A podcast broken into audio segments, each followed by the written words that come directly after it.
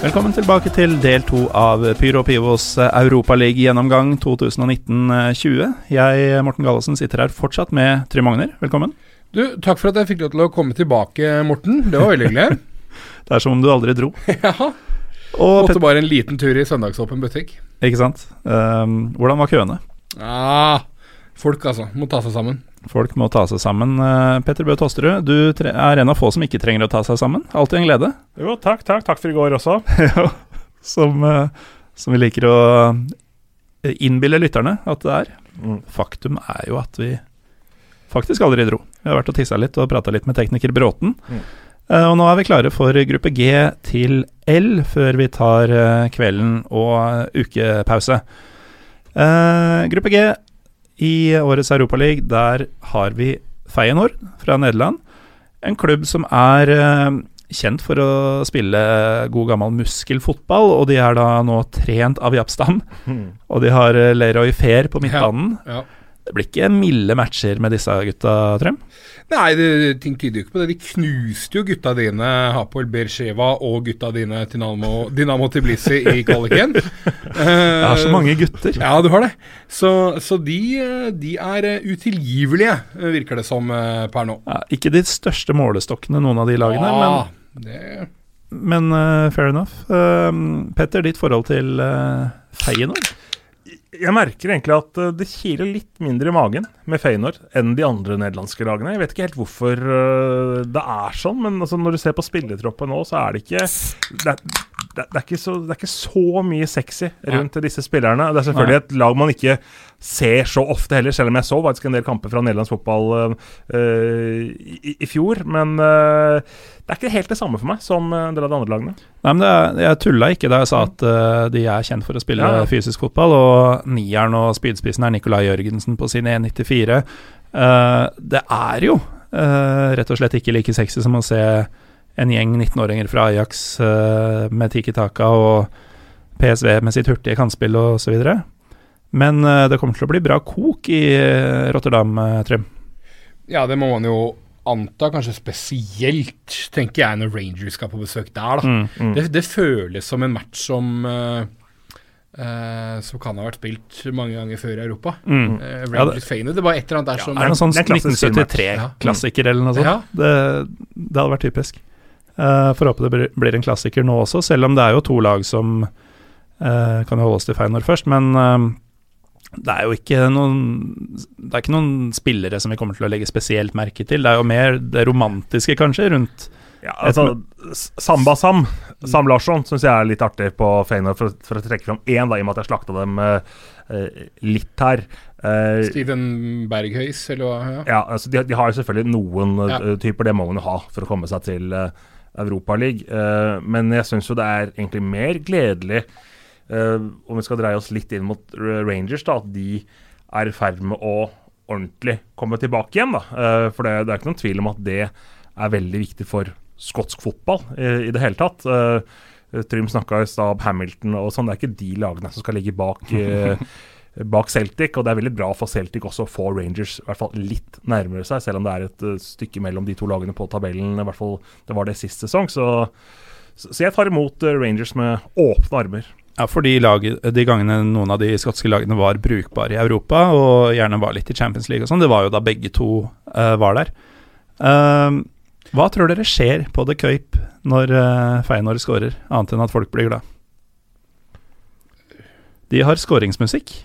Og ikke en hvilken som helst sang. Er det de som har eh, Holdt på å si ikke Antonas råd men noe sånn lignende I Will Survive. Ja. Uff, ja, ja, ja. Det er, eh, det er heavy shit. Ja. Og, og, og, det er jo sånn eh, litt sånn fotballkatedral, det Korp, føler jeg. Mm. Eh, masse harde sånn arbeiderklassefolk fra Rotterdam. Eh, en legendarisk stadion som har stått der siden tidenes morgen. Mm så ødelegger de alt med å spille. Og jeg tror til og med det er en coverversjon. Ja, det er ikke, det er ikke Gloria Gaynor. Jeg tror det er Hermes House Band. Ja, det var det jeg mente jeg sa. Som har den derre na, Ja. Ja. Fryktelig, altså. De det, det, er fryktelig. Uh, men var vi inne på, på Rangers nå? Eh, ja, vi kan godt gå over til Rangers nå. Ja, for det er jo, Nå har jo Steven Gerrard vært der som trener, eh, og det er for en Liverpool-utvikling, Morten. Det er viktig. Steven Gerrard har vært der nå i ett år. Og der har du ja, i dette møtet Japp Stam mot Steven Gerrard. Ja, ikke sant? Det er litt kult. Det er jo ja, 3-3. En, en dunst av fortiden. Ja, absolutt. Um, og så det, Europa har nesten allerede vært en suksess for Rangers i år. Fordi at de For det første så knuser de Midtjylland. Jeg må innrømme at jeg hadde faktisk Midtjylland som favoritt mot Rangers. Uh, de slår ut Legia, som tidligere har um, uh, gjort det godt mot skotsk motstand. Og så fikk de sin revansj mot Progress uh, Niederkorn. Så, så, allerede har jo dette har vært en, en suksesshistorie for Rangers i årets Europaliga. og så har de jo en spiller som jeg syns er utrolig fet. Eh, nemlig Alfredo Morelos. Eh, også elsket av Celtic-fans? Ja, og, og, også en tidligere HJK-spiss. eh, det er en del av dem i årets Europaliga. Ja. Um, han, han, er en, han, er jo sånn kronisk ustabil. Det er både liksom kan finne på å dra på seg helt unødvendig kort og gå perioder uten å score, og så er han knallbra i perioder. Så du vet aldri helt hva uh, man skal få av han. Han var linket eller få fra han, han var linket til en god del andre klubber i sommer.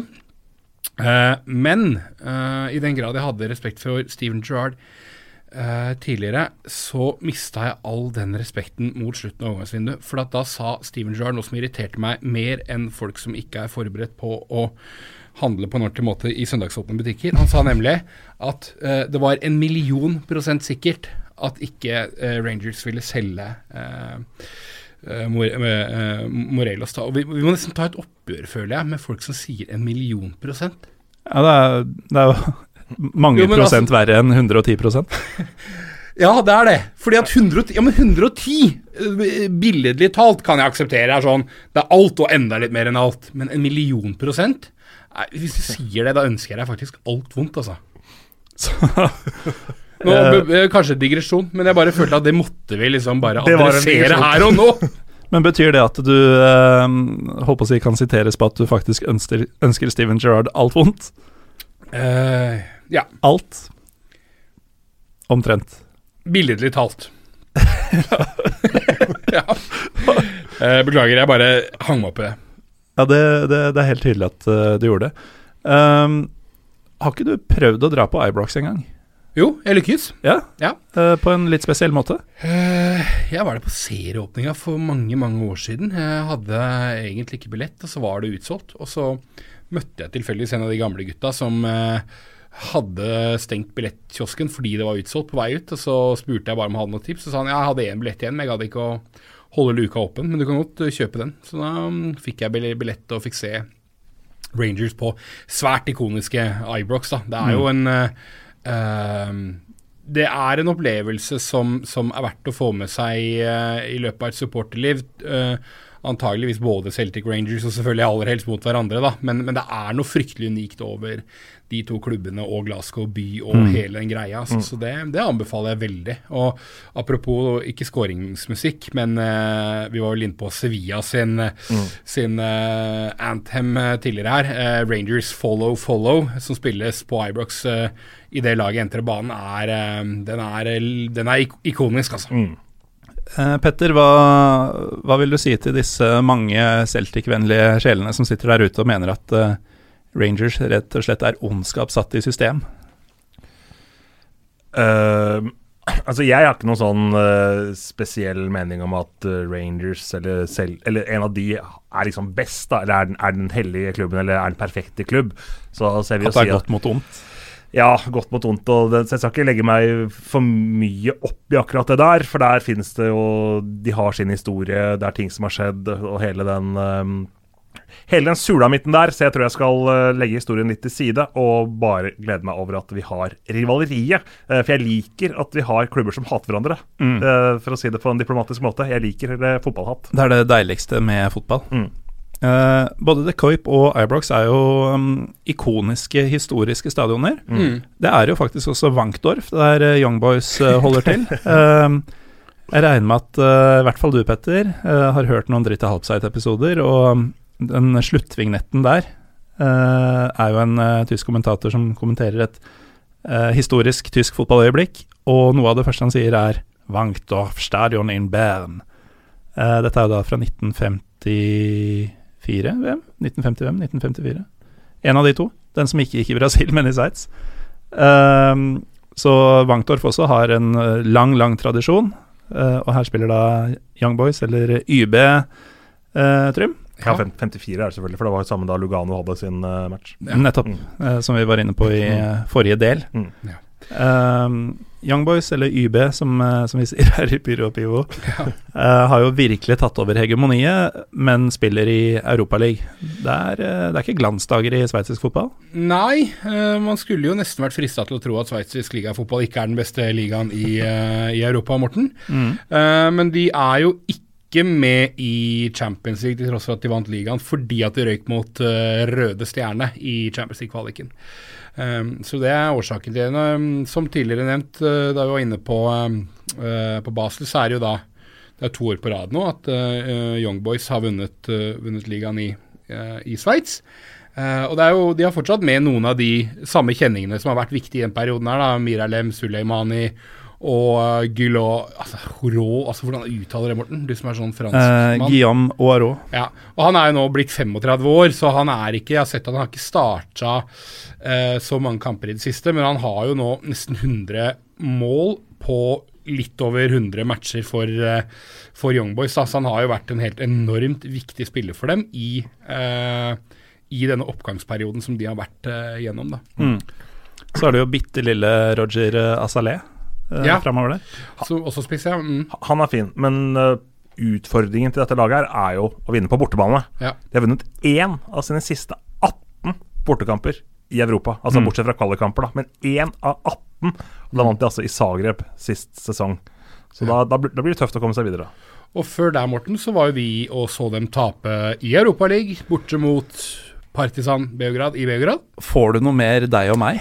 enn en å se en gruppespillskamp i Europaligaen mellom Partisan Vi er i Beograd, har drukket litt rakia før kampen, og motstander er Young Boys. Nei, det var, eh, det var magisk. Det var veldig, veldig vakkert. Det var det faktisk. Mm. Og, og, det var ikke et hvilket som helst uh, tap, eller hvilken som helst seier. Det var jo den kampen som sendte Partisan videre. Videre fra gruppespillet, ja. Det stemmer. Mm. Og det fikk vi se der. Ja. Jeg får litt uh, gåsehud bare av å tenke på det. Vi må, vi må til uh, Beograd igjen snart. Det må vi. Og du må være med, Du er Petter. populær, da er du, Morten? Jeg er uh, Du må være med, Petter. Jeg blir med, ja. ja. Bra. Det var litt sånn inside. Morten er ikke populær i, ja. Eh, i Beograd. Hørte dere Brasil-episoden uh, nylig? Hvor, uh, den, hvor gjesten André Østgaard nærmest advarte folk mot å si at de er norske i Brasil, uh, utenfor Santos, fordi han har slengt en del med leppa på Twitter okay, til fans av alle andre lag. Ja. Så jeg er vel ikke helt på det nivået at det er farlig å kjenne meg nei, i Beograd. Nei da, det er mye annet som er farlig i Beograd, men akkurat det tror jeg, tror jeg skal gå fint. Men da har vi en, eh, en, konkret avtale her nå, alle tre, om at vi på et eller annet tidspunkt snart reiser til Beograd. Ja, ja og vi skal jo faktisk uh, snakke litt om Beograd om en time eller to, når vi kommer til gruppe L. Uh, kanskje kan vi formalisere litt mer avtale der når vi ser på kampene. Uh, det siste laget i eh, gruppe G er Porto, som ikke er en gjenganger i Europaligaen, i hvert fall ikke i gruppespillet. Føles litt rart å se dem her, syns jeg. Ja, så Det er to ting i år. da, Det er jo det at Porto er med i Europaligaen, og så er det det at Red Bull Salzburg er med i Champions League. Mm. Ja, Noen som har forveksla kulene Ja, gikk noe galt der, altså. Ja. Det er et eller annet som, som ikke stemmer. Mm. Men det er jo et, eh, et morsomt lag, da. Porto er jo et lag man hatt en sånn softspot for, i hvert fall for min del. Mm. Uh, det har alltid vært noe spesielt med Porto. Man husker jo oh, ja. uh, Rosenborg har vel møtt dem også, har de ikke ja, ja. opp igjennom? Både Vinje og tapt. Ja, Molde møtte dem vel også i sin Champions League-gruppe. Men det har vel vært Man har vel hatt en softspot fordi de har vært en slags underdog i Champions League-selskapet. Mm. Jeg vet ikke om jeg føler helt det samme om dem her. Nei, vi kan du ta det kjapt. Grunnen til at de ikke er med i Champions League, er jo at de røyk for Krasnodar, som nå også er med i Europaligaen. Uh, ikke Cuban Krasnodar, men Krasnodar i, i, i kvaliken der. Uh, men jeg er enig. altså Dette er jo et lag som, hvis du tar med rubbel og bitt da, av sånn, litt sånne tulleeuropeiske cuper så har de vært i tolv europeiske finaler. Mm. Og jeg tror de har vunnet uh, majoriteten av dem. Ikke, ikke alltid vært Champions League, Europaligaen, men, men dog. Uh, så det føles jo som et lag som egentlig ikke skal være med på nivå to, da, selv om du syns at Europaligaen er nivå 1, Morten. Jeg, jeg, jeg syns jo ikke at det er den sportslig beste turneringa. Nei, nei, jeg vet ikke, du har sagt noen ting om Sveits og sånn tidligere, så jeg vet ikke hva du mener. Um, men, men um, det som var spesielt da, da de røyk mot Krasnodar, det var jo at de hadde jo vunnet første matchen borte i, i Russland. Vant de 1-0. Uh, så de hadde et kjempeutgangspunkt før de da kom hjem til sin fryktede uh, hjemmebane. Dragestadion. Ja, uh, og så slipper de inn tre mål på en halvtime eller noe sånt nå. Uh, og, og, klarer å komme litt tilbake i kampen, men det blir uh, 3-2, og da går jo Krasnodar videre på bortemål. Uh, så til tross for at de har Danilo Pereira, Alex Telles og sånt og defensivt, så, så, kan det nesten virke som de har litt, de har litt å jobbe med bakover. Mm. Så har de han uh, Chantel Mbemba, da, som har så fryktelig mange bursdager. Han har jo hatt uh, Jeg har vel snakket om dette før. Jeg husker, husker ikke alle bursdagene han hadde, men han hadde jo tre-fire bursdager som var ute på nettet. Uh, så den siste jeg har hørt nå, er vel 8. august 1994, men uh, det kan endre seg i det episoden er ute. Nydelig. Apropos 94, holdt på å si apropos 25-åringer, da. Uh, Shoya Nakajima mm. uh, henta inn igjen Uh, altså, spesiell greie. Han herja i Portugal for uh, Portimonense og ble solgt for 350 millioner kroner til Qatar så sent som i februar i år. og så er han allerede tilbake nå i, i, i Portugal. Altså, det, det, har vært mye om overganger til hva skal vi si, Østen, da, hvis vi ja. utvider begrepet noe voldsomt, og tar med sånn Qatar, Saudi-Arabia og Kina. Ja. Uh, Syns det har vært veldig mye svære overganger inn dit. Som bare å komme med Man tenker alltid sånn Ja, da blir de der et år eller to og tjener, eh, mm. så de ikke trenger å bekymre seg for noe igjen. Kommer tilbake med halen mellom beina bare måneder etterpå, som om ingenting har skjedd. Men, men, dette er en ganske kul spiller som jeg tror folk skal uh, følge litt med på, gitt at han, at han får starte. da. Han, han er en, uh, en uh, sånn typisk litt sånn japansk 1,67 høybare, målfarlig, venstrebeint. veldig, veldig artig spillertype som, som, kan bli morsom å, å følge på det Porto-laget her. Så veit jeg ikke helt hvor morsom han er som spillertype, men en av mine favoritter basert på navn er jo selvfølgelig Jesus Corona, som naturligvis er fra Mexico. Det er det mest meksikanske navnet i hele verden. Ja. Og jeg husker fra VM så hadde de to i den meksikanske troppen som het Jesus Corona. Ja. Han her var en av dem, og så tror jeg det var en keeper i tillegg. Det er ganske Simpson.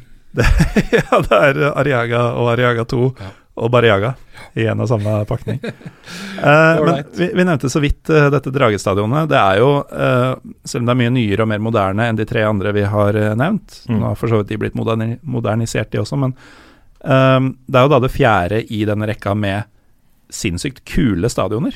Mm. Så det er jo, det er jo stadiongruppe. Og ja. så vidt jeg kan se, en sportslig, potensielt veldig, veldig åpen og jevn gruppe. Ja, definitivt. Det kommer til å bli mye kule kamper i den gruppa her. og også bra tribuneliv, som mm. vi snakket om egentlig hos, uh, ja, egentlig hos alle lagene. Ja. Skottene er jo notoriske for å reise i hopetall på mm. bortekamp uansett klubb eller landslag, så Rangers kommer til å bite godt fra seg eh, på bortekampene i alle tre, vil jeg tro. Kanskje spesielt uh, i Rotterdam og Sveits fordi det er noe kortere, de kan ta buss og tog og sånn. Jo, men britene elsker Portugal, vet du. Gjør det det? Ja. Fortell. Nei, altså hele Algarve er jo bygget opp på på uh, engelske puber og English breakfast og øl til to euro. Uh, så jo, jo, men så Superbank til to euro? Ja. Uh, nei, så, så, jeg tror de, kommer til å, tror de kommer til å gjøre det bra overalt, det, faktisk. Ja. Mm. Ja. Da blir det fett i gruppe G, da. Ja, det blir en veldig kul gruppe. svært åpen, syns jeg. Mm. Den gruppa som oser sterkest av Pyro og Pivo, tror jeg faktisk er gruppe H. For her er det stakkars ja, spanjol som skal bryne seg på fryktelig mye østlig, ja. ukjent motstand. Dette er jo den autoritære gruppa. ja. Ikke sant? Du har, du har Cesca, du har Ludo Goretz, uh, og du har uh, Ferenc Farosi, som er liksom Det er liksom og, og, egentlig spanjol òg, som, som er litt sånn anti-Catalonia. Så det er, det er, jo virkelig den autoritære gruppa. Men, men tenk på de flyselskapene spanjol får, uh, får prøvd seg på på de turene der. og Det er litt av, litt av å reise i det, selv om ikke alle er like lange. da. Nei. Jo, men altså, jeg, Nå er jeg muligens på litt uh, tynn is her, men det var jo et, uh, et diktatorskap i um, mellomkrigstiden um, hvor um, hvor Español liksom ble en sånn sterk spansk identitet i byen Barcelona, som en litt sånn historisk politisk eh, fiende av FC Barcelona og deres katalanske identitet. da, Veldig sånn nasjonalistisk eh, strømning. Så de passer også inn i den autoritære, Ja, det det. Som, som du sier. Trym. Og CSKA Moskva er jo da uh, den russiske og tidligere sovjetiske hærens uh, lag. Mhm. Ferencvaros, veldig sterke tilknytninger til eh, ungarske myndigheter. Opp igjennom, i hvert fall. Jo, nå til de grader ennå. Jeg kan snakke litt om det etterpå. Mm, det, det skal du få lov til. ja. Mm. Og så har du da Ludo Goretz som, eh, som styres av bulgarsk mafia i praksis, eh, så, så vidt vi har forstått tidligere. Um, Begynner med Spanjol, eller som kanskje er den Ja, minst altså, lugubre av disse men klubbene. la oss ta det mest magiske først, da. Okay. Trekninga. Ashley Cole, så dere han? Eh, ja. Han, Ja, ja, ja, ja, nå kom nå kom jeg på det. Ja. han åpner da kula, så skal han da lese opp Espanjol. Eh, hvor, hvorpå Ashley Cole kaller dem Espania. Han skjønte ikke en puck. Han hadde ikke hørt om det laget har der. aldri hørt om det laget. Eh, han tenkte at det var en sånn type Viva Espania. Ish. Nei, helt nydelig.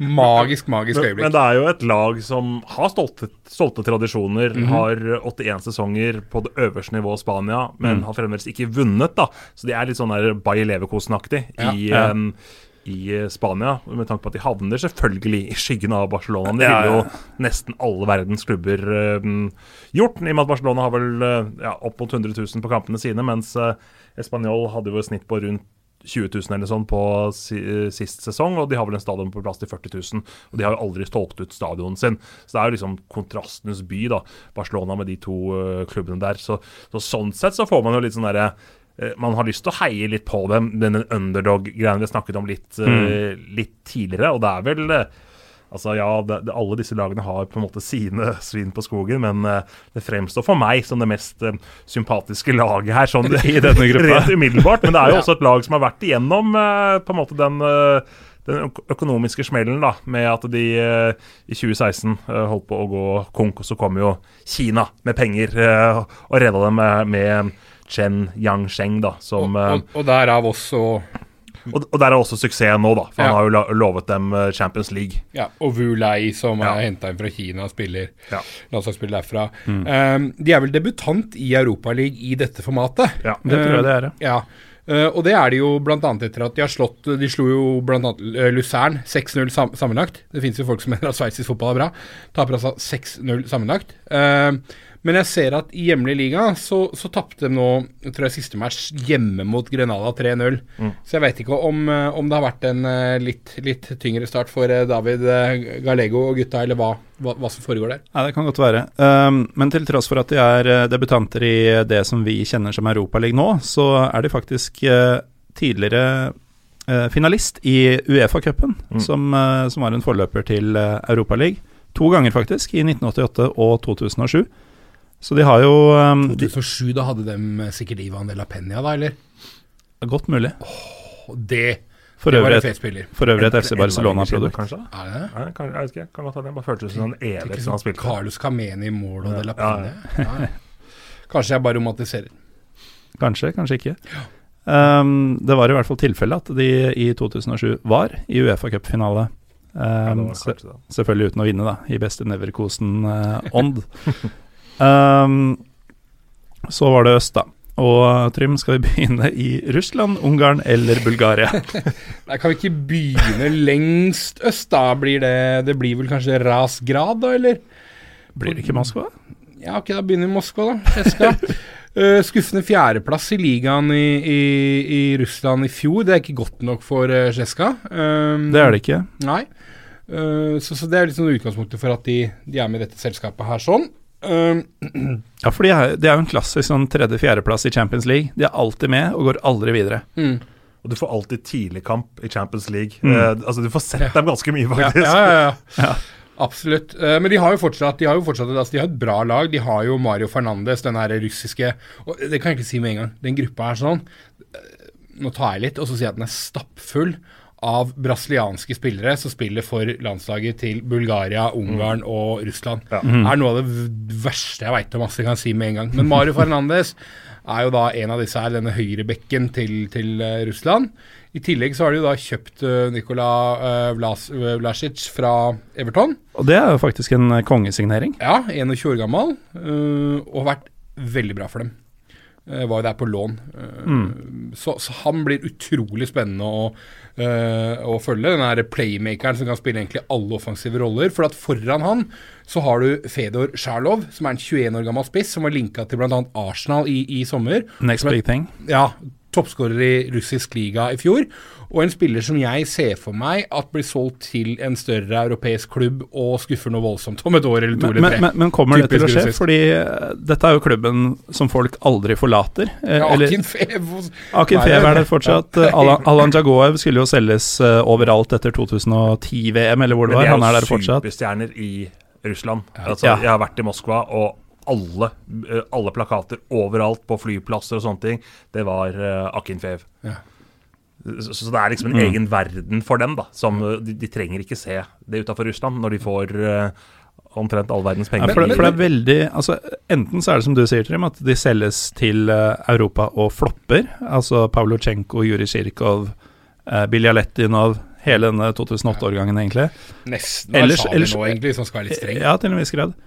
Eller så blir de værende, og vi går rundt og lurer i vest. Hvorfor kommer han ikke nå? Hvorfor kommer han ikke nå? Hva ville det blitt av han hvis han hadde kommet i dag? Men det er det tryggeste, da. Også ja. Språket kan også være faktisk utfordrende for russerne, selv om mange er flinkere i engelsk også. Men det er, det, det er safe da, mm. å få 50 millioner i året. Jo, men, men, men, det er jo et poeng, det også. fordi eh, jeg nevnte jo i forrige del eh, om at jeg jobba på språkreise på Malta i sommer. Jeg jobber stort sett på språkreise om sommeren og har jo mye med folk fra forskjellige land, eh, spesielt tenåringer, men også deres voksne ledere. Og russerne de strever altså med, med å tilpasse seg en internasjonal gruppe. Eh, med å holdt på å si gidde å lære seg eh, kutyme og sånn for der man er. Så, så, det er nok litt sånn folkesjelpreg også. At her veit vi hva vi driver med.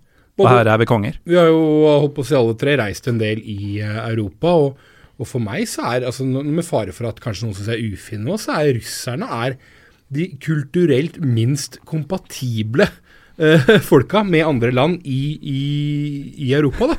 Uh, og, det, og, det, merker du hver gang du er og reiser et eller annet sted der det er mye russere. At de blander seg ikke liksom De, de, de smelter liksom ikke inn på samme måte som, som mm. folk fra Skandinavia, eller kanskje eks-Jugoslavia, eller Sør-Europa, eller hva det måtte være. Det er veldig rart, men, men, sånn er det nok. Så jeg tror kanskje at det du sier, da, Petter, om at de er enorme stjerner i Russland, det tror jeg er en faktor. Og så tror jeg nok også litt av det der at man har sett at de du nevnte, Morten, har, altså flere har reist ut og egentlig ikke lykkes helt. Det tror jeg er en faktor. Og så tror jeg det er mm.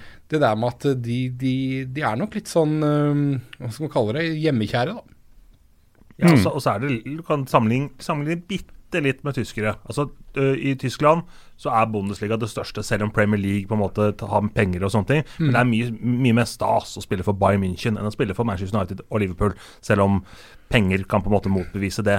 Og, og Russland, Russland, er jo et gigantisk land også. Vi må ja. ikke glemme det hvor svært det landet er, hvor mange mennesker som bor der, hvor mange som engasjerer seg i fotballen.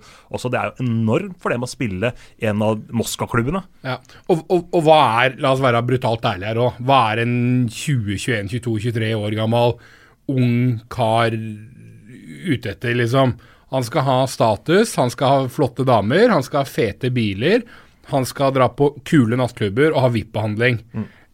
Jeg tror du kan tikke de fleste boksene der sånn ganske heftig i, i Moskva og St. Petersburg og de andre store byene i Russland, altså. Er du uh, toppskårer i eh, CSKA eller Zenit eller ja. Dynamo eller Krasnodar? Er du en ung Fedor Sjarlov, så klarer du deg greit på diskoteket. Det ja. tror jeg. Så insentivet for å dra er egentlig ikke uh, der? Nei. Nesten. Herlig, men viktig avsporing, på en måte. Ja, men dette er noe av det beste vi har gjort så langt i, i dette årets Europaliga. Um, du ville til uh, Rasgrad uh, i Statrum, nå skal du få lov. Mm, Ludo mm. Goretz spiller der. Ludo Goretz spiller der. Uh, denne klubben som nå har vunnet åtte titler på rad i Bulgaria. og egentlig i praksis ødelagt bulgarsk klubbfotball. Um, Nå gjorde du deg populær først i Russland, så i Bulgaria. ja. Nei, men det tror jeg faktisk ganske mange bulgarere er enig med. Altså Bare for å ta et eksempel på det. Sjeska Sofia, Levski Sofia og Botev Plovdiv, som er liksom tre av de andre store klubbene i bulgarsk eliteserie. Mm.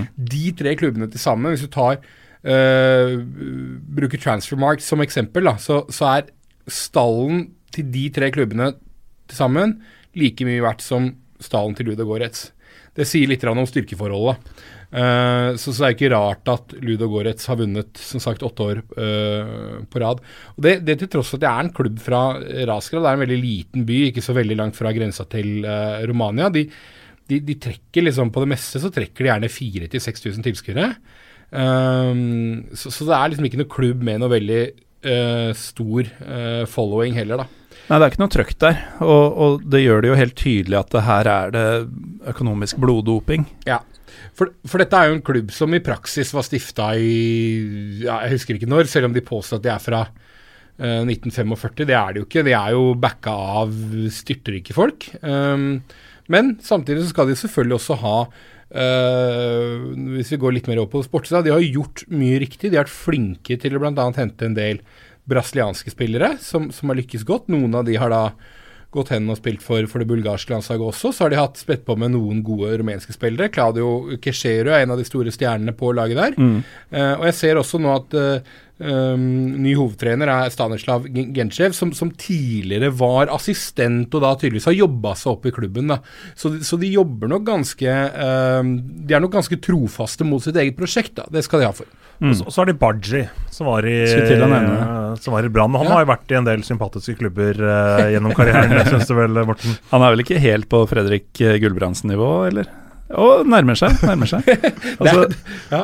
Ludo Goretz og Bashakshir eh, er der inne. Uh, Bashakshir som vi skal komme tilbake til uh, senere i sendinga. Men ellers er det jo ikke så ille, da. Altså, Sogndal kom det fram, faktisk. Nå glemte jeg i forrige del å takke dere som dukka opp på Bergen offentlige bibliotek sist fredag.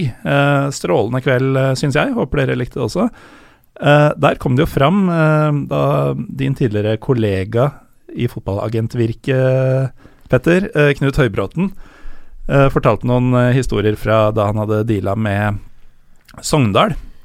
At det i praksis er en gangsterklubb, det også.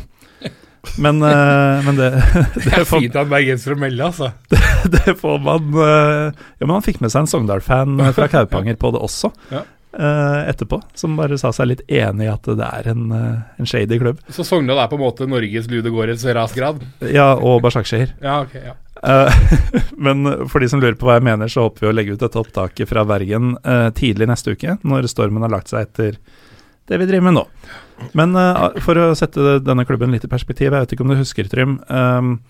vår venn Emanuel Rosju, journalist, eller, ja, journalist fra Romania, han fortalte jo om at han hadde prøvd med klubben Ludogorets å få en avtale, et intervju med Kosmin Mochi. Motsi, Uh, og, og, det var lettere sagt enn gjort. Ja, nei, de er, ikke noe, de er visst ikke noe medgjørlige, de er visst en sånn veldig lukka klubb, da. Mm. Uh, så, så, der tror jeg bare han hadde blitt avvist, uh, rett og slett. Ja, han hadde, og, Eller ignorert og, fått noen litt sånn spydige kommentarer tilbake når han har prøvd å følge opp. Så, så, så de framstår ganske lite sjarmerende, da, disse, mm. disse grønne ørnene fra Bulgaria. Så er det jo noen grønne ørner i uh, Ungarn, som heller ikke er spesielt sjarmerende. Nei, ok, da valgte du å gå videre, og det skal du få lov til. Det er uh, Ferenc Varos fra, fra Budapest ja. som du som, som, du har verka etter å snakke om i et par timer nå. Har, har jeg det? Det virker litt sånn. Du nevnte ja, i forrige ja, del også at vi skal komme tilbake til Viktor Orban snart. Ja, jo da, men det er jo um, Um, det, her en, det, her er jo en, spennende klubb på veldig mange måter, syns jeg. da. De vant uh, den, den uh, ungarske ligaen i fjor, og så trenes de jo av Sergej Rebrov. Mm. Og det er ganske sexy, for vi, vi, var, vi var inne på de tidligere, disse her gamle Dynamo Kiev-årgangene. Og um, da kan jeg kjøre en rask liten shout-out til um, Europaliga-entusiast Lars Skau, som har vært med her noen ganger, som er glad i å dra opp litt sånn fun fact. Han dro opp en fun fact tidligere om Gillewitze og et radiotårn i en tidligere episode av Byrå Pivo. Og da kan man jo legge til at Sergej Rebrov han elsker jo amatørradio. Det er jo det han driver med på fritida når ikke han eh, er opptatt av fotball. Så det er liksom hans store greie. Eh, men eh, det er jo flere kjente spillere her for oss i Norge. Det kan du kanskje komme litt inn på, Petter? Det er det definitivt. Spesielt uh, Frank Boli. Og ikke minst uh, Tokki, da, som har gjort det kanonbra den siste tiden. Fem mål og én assist på 14 nye kamper, og han har jo nå, i dag faktisk, fått innkallelse til et nytt landslag. Jeg er spent på din mening om dette her uh, nå, Trym. Ja, det er et veldig nytt landslag. For dette er storheten Sør-Sudan som ønsker hans uh, tjenester. Mm. Og uh, du vil vel at han skal velge Norge, selv om han ikke er god nok for norske landslaget? jeg, kan, jeg, kan, strekke meg så langt som at hvis ikke du er aktuell for det landet du oh ja, så Nå har du begynt å liksom forhandle litt på dette? Nei, nå har jeg fått i meg noe jeg er litt mildere, ja. da. ikke sant? Men, nei, men faktisk basert på det han har gjort nå, og han mm. har levert jevnt siden han dro fra godset, så kan jeg egentlig ikke helt forstå hvorfor ikke han kan være aktuell for et norsk landslag. Nei, det skjønner jeg. Det, det, den, den, kjøper jeg ikke. Eh, den ungarske ligaen er jo ikke noe spesielt bedre i det hele tatt enn den norske. Nei. Og eh, han var jo ikke så Han var god, for, ok, ganske bra for et godselag som sleit uh, i fjor. At han skal mm. ha blitt landslagsklasse det, Nei, han er ikke topp 50 Men tror vi han er god nok for Sør-Sudan? Det tror jeg. Det, det tror jeg. Jeg tror også du hadde vært god nok for Sør-Sudan. nei, da, de er sikkert kjempegode ja, i Sør-Sudan. De, de, de, blir, de, blir, bra. Uh, nei da, men nei, jeg, jeg veit ikke. Jeg, jeg, jeg, jeg, ja, jeg har i hvert fall latt meg imponere veldig av det han har fått til siden han dro ja, dit. Og, og, han er en kul spiller. Ja. Fått drakt nummer ti, og en, jeg liker han ordentlig ordentlig godt. Og kommer til å følge med på han uh, jeg holdt på å si all fremtid. Det var ja. en kjempeattraksjon i Eliteserien. Ja, fordi at det skulle til å si at en ting er kanskje en diskusjon om han vil være god nok for landslaget, men han vil i hvert fall bidratt med noe litt annet enn type Mars Johnsen og Sødlund. Da. Altså ja. Han er en annen spillertype. Men det er også et argument for at han ikke hadde kommet på norske landslaget, fordi mm. uh, han er altså, Gya Zaid Ja, jeg skulle akkurat til å si Gya Zaid i den perioden han ja. var veldig god også, som var helt uaktuell for helt å være med i en tropp. Mm. Så kan, kan, kan, være du er inne på noe, uh, inne på noe der. Så, så, vi får uh, i så fall ønske han lykke til da, for Sør-Sudan. Uh, men den klubben her, da, Frank Boli var jo så vidt inne på. Han har, fordi Stabæk-supporterne og Ålesund-fans som måtte lure på det, så har han vært involvert i seks kamper nå, tror jeg, siden han mm. kom inn. Og ett et mål og en målgivende, så han er sånn litt i gang i, i Ferencvaros, han også.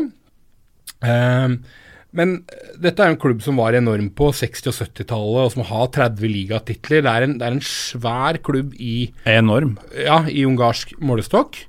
Uh, men det er en scumbag-klubb når man ser hvem som styrer, altså. Det er altså Presidenten i klubben her har jo da tette, tette bånd til Fidesz og da Viktor Urban. Um, og, og uh, altså han Gabor Kubatov heter han da. Han er jo selv da Um, ja, vært en del av Fidesz og dette partiet som, som, vel ikke har noe veldig høy anseelse i Norge.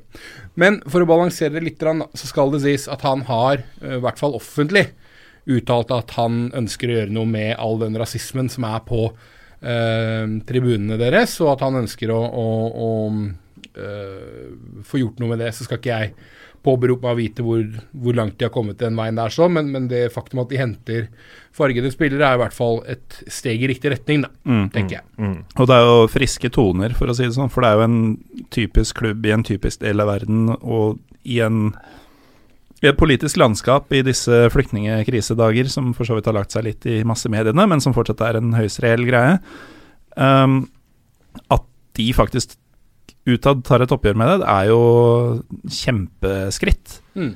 Uh, når det er sagt, så, um, så, er det jo Vi sa at dette var den autoritære gruppa. Dette er den autoritære klubben i den autoritære gruppa. ja. Fordi um, gjennom uh, Facebook-gruppa European Football Weekends, som er et kjempeoppslagsverk for dere som planlegger turer til både kjente og ukjente strøk, uh, det er alltid noen som har vært der før deg. Så søk etter kampen du skal på, stadion du skal på osv., så, videre, så så vil du få de svarene du søker. Der er det mange som har spurt om uh, hvordan man får billetter til kamper i Ungarn. Og jeg har selv vært på Uipest, som er en av de mange byrivalene til Ferencvaros. Der var det sånn at jeg måtte vise passet og registreres i et system og, og, få navn på billetten, men det kunne jeg gjøre i døra, og det tok ikke sånn veldig lang tid. Um, og, og, det er på en måte gjengs da, i, i Ungarn. Men skal du på Ferencvaros, mm. så er det et helt helvetes opplegg hvor jeg har hørt at det går så langt til, til at de skanner øyet ditt. Såpass, ja. For å, ja, og da registreres du ikke bare i et sånn Det er ikke bare at navnet ditt havner på billetten med eh, fødselsdato og sånne ting, som, som det ble i Uipest-tilfellet mm. og meg. Mm. Uh, da har de deg i et eller annet sånn system hvor de faktisk har både fingeravtrykk og øyeavtrykk og sånn, og fuck knows hva Viktor Orban har tenkt å gjøre med det i framtida. Mm. Uh, Kjempesketsjy. Ja, det var en lang periode der, der de ungarske ultrasene eh, boikotta det som var av matcher. Mm. Men litt sånn som man kanskje har sett med Passolig og sånt nå i Tyrkia. Altså det går i noen år, og så og så venner man seg på en måte litt til det, og så aksepterer man det vel allikevel, da. Eh, når det er sagt, da, så er det jo mange i Ungarn som, som stemmer på dette her veldig autoritære, eh, og støtter dette autoritære regimet. Da. Da er vel det en naturlig konsekvens av en sånn politisk eh, dragning som, som store deler av landet har hatt. Og i denne skitne, skitne gruppa, hvem eh, tror vi går videre, og hvem håper vi går videre, Petter Bø Tosterud? Uh, jeg eh, tror og håper på Tsjetsjka Moskva og Espanol. Trym Magner? Nei, jeg kan vel Jeg kan vel egentlig godt være med på, på det. Jeg håper at uh, uh, Sør-Sudans store stjerne Tok Tokmak Nguyen Nguyen? Jeg aldri fått noe så ordentlig godt svar på det der. Husker Første gang han uh, Første gang jeg leste navnet hans, så tenkte jeg på hva het han norsk-vietnamesiske spilleren i Vålerenga og Kongsvinger? Hai Ngoc Tran. Ja, jo, så, men, men det, så kult, vi har endelig fått opp en ny norsk-vietnamesisk uh, talent, jeg, jeg, jeg trodde jeg nøyaktig det samme, og, for jeg, jeg, så navnet før jeg så fyren. Ja. Og um, tenkte at det faen så irriterende at de feilstaver Nguyen. At det skulle vært en Y der inne òg? Ja. Ja. Uh, og så ga ting litt mer mening da, da jeg dro også Lillestrøm Godset neste gang. Uh, Pyro Pivo-avsporing, men jeg håper, uh, jeg håper, på en måte at, at, han gjør det bra. Og så har jeg ikke noe sånn veldig jeg har ikke noe, Det her er ikke en gruppe jeg bryr meg veldig mye annet enn at jeg alltid har litt godt øye til, til Sjeska. Har du det? Ja. Mm. Fordi de er gode venner med Partisan, som vi skal snakke om ah, ja, ja, ja, ja. Ok, um, den burde jeg kobla tidligere. Ja. Nå ja. skal vi til gruppe I. Um, hvor det er mye vest og litt veldig øst. Uh, vi kan starte det som fort kanskje blir lengst vest, nemlig i Gent. En mm. uh, nydelig by uh, midt mellom Brussel og Brygge. som også er to kongebyer å dra til for øvrig. en time fra Brussel til Brygge med tog. Halvtime omtrent i Gent. Så her kan du virkelig kjøre på. Men nok om det. KAA Gent er jo en klubb som aldri når helt opp, men som alltid er oppi der, føler jeg, i, i Belgia. Uh, Erlend Hanstveits gamle klubb. Han var faktisk så stor stjerne da jeg var der i 2010. Uh, da jeg for øvrig var der en iskald februardag med matforgiftning. Frykteligste kampopplevelsen jeg har hatt. Uh, men han var så stor stjerne at selv om han ikke var på banen da, så hang det et norsk flagg som det sto Hanstveit på, over den blå horisontale streken. Var det en av Trond Solli-periodene, eller? Han har vært der tre ganger. Ja, jeg tror ikke han hadde dem da. Ja. Og de tapte 0-1 hjemme mot St. Troiden. Det, det, er godt gjort. Altså, så nordmann reiser du dit ja. og ser Gent når de ikke har Trond Solli som trener. Ja, ja, ja, for Trond det er som å vinne i Lotto. Ja, han er jo på en måte Trond Solli det er jo Gents uh, Jo Inge Berge. Ja, ja. Trond Solli noensinne gjort noe annet enn å trene Gent? Nei, nå har han jo prøvd seg i et par andre belgiske klubber uh, også. Har vel egentlig hatt, hatt, de fleste der borte. Nå er det jo Gjest Torup da, som har laget. Tidligere HamKam-spilleren. som... Uh, som har renska uh, skikkelig opp i den stallen nå. Sigurd ja. Rosted forsvant ut. Uh, han uh, godeste Erik Smith forsvant ut i Tromsø. Rosted til Brønnby. Mikael Lystug er jo der i mm. Gent. Celtic, ja. Uh, og Gent er jo en fantastisk klubb, en flott stadion og alt sånt, men, men, samtidig så er Gent De lider litt av, for oss som ikke følger den belgiske ligaen så tett, de lider litt av at vi blander det med Genk. Ja, som ofte er bedre. Ja. Når det er sagt, da uh, ja, du, Bare kjapt når du var inne på noen, noen av spillerne her. Jonathan David. Mm. Uh, hvis jeg hadde vært en fyr som hadde funnet på å spore av samtaler i Pyro og Bio, Morten Så, så ville nå, du sagt følgende. Ja, så ville jeg nå begynt å prate mye om det canadiske landslaget, og hvor fryktelig spennende det er. Uh, for der er det så utrolig mye på gang. At, fryktelig spennende canadisk ja, landslag. Ja, at uh, her, her, her, snakker vi her snakker vi et, et, landslag som kommer til å være bedre enn USA og Mexico i løpet av få år. Uh, men Jonathan David, uh, 19 år gammel, født i Brooklyn, men spiller for Canada fordi han flytta dit i ung alder. og har nå putta elleve mål på ti landskamper for, eh, for Canada. Veldig veldig spennende spiller. Så, så, er han også nevnt som en man kan. Men uh, da har han spilt mot sånn St. Kitts and Nevis og ja, ja. Sør-Sudan og ja. ja, ja. og uh, ja. Gjøviklyn og Havfruøyene og, og Badevaktdumpa og ja, Kjuttaviga 3. Hele den gjengen der. Men uh, for å ta igjen, da. de har kanskje hatt en av de tøffeste kvalikene. Uh, av noe lag som, som har kvalifisert seg til, til Europaligaen i år. Fordi at de, de, Først så knuste jo Vitorol, ditt, uh, ditt kjære lag, og ja, det, til dels mitt kjære lag, Morten. Det var surt. Det, det, var surt, eh, men veldig bra der. Og så slo de AIK, uh, eller AIK Larnaka, som jo er et helt ok lag, og Rijeka fra Kroatia. Så de har hatt en, en tøff vei for å komme inn i Europaligaen, så de har allerede mm. bevist seg litt sånn sett, da.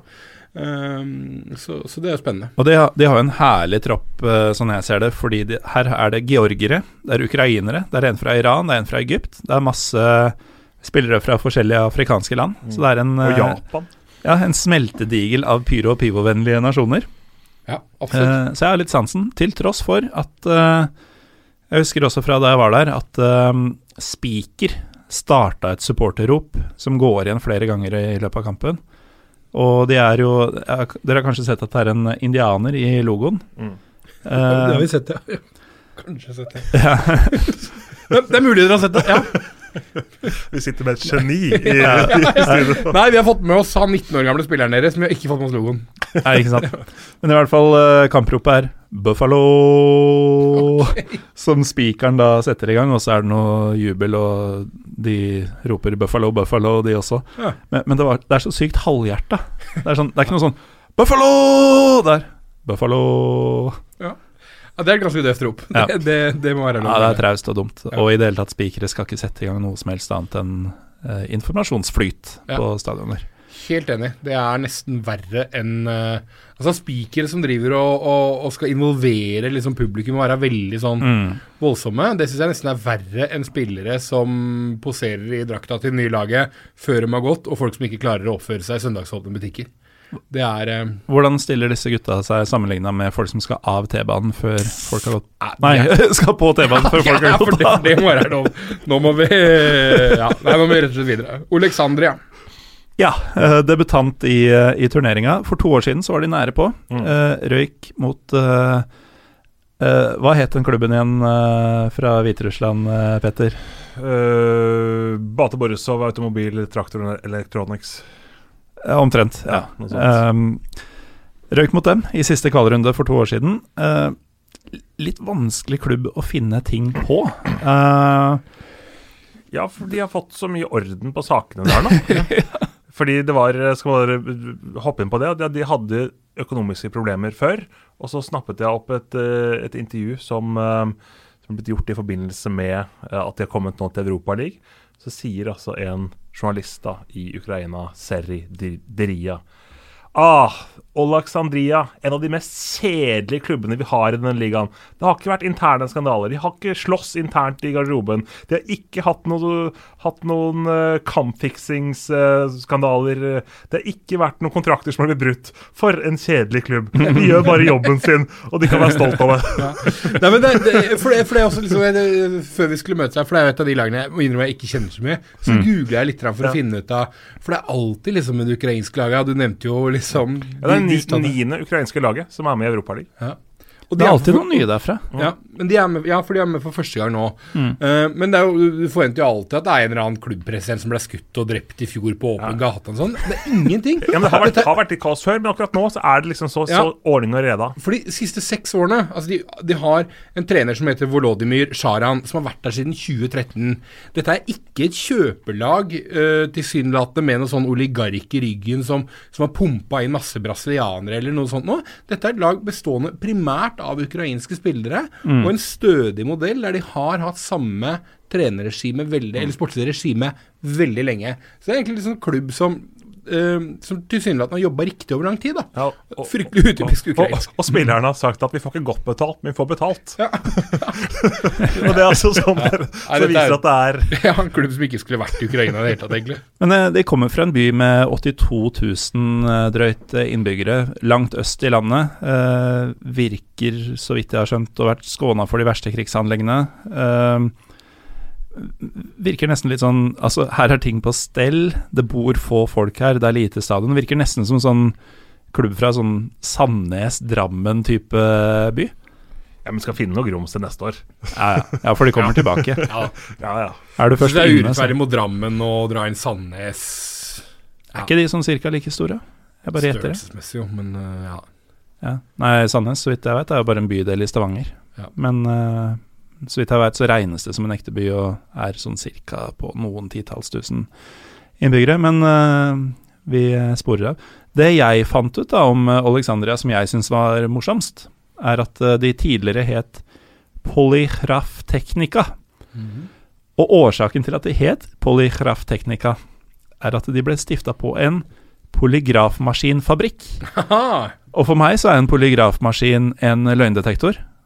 Uh, Petter og jeg vi snakka litt om det før sending, at det sikkert kan brukes til mer. Jeg tror det måler de, Men- forskjellige ting, puls, svette og Men jeg ting. Men du tenker kun løgn.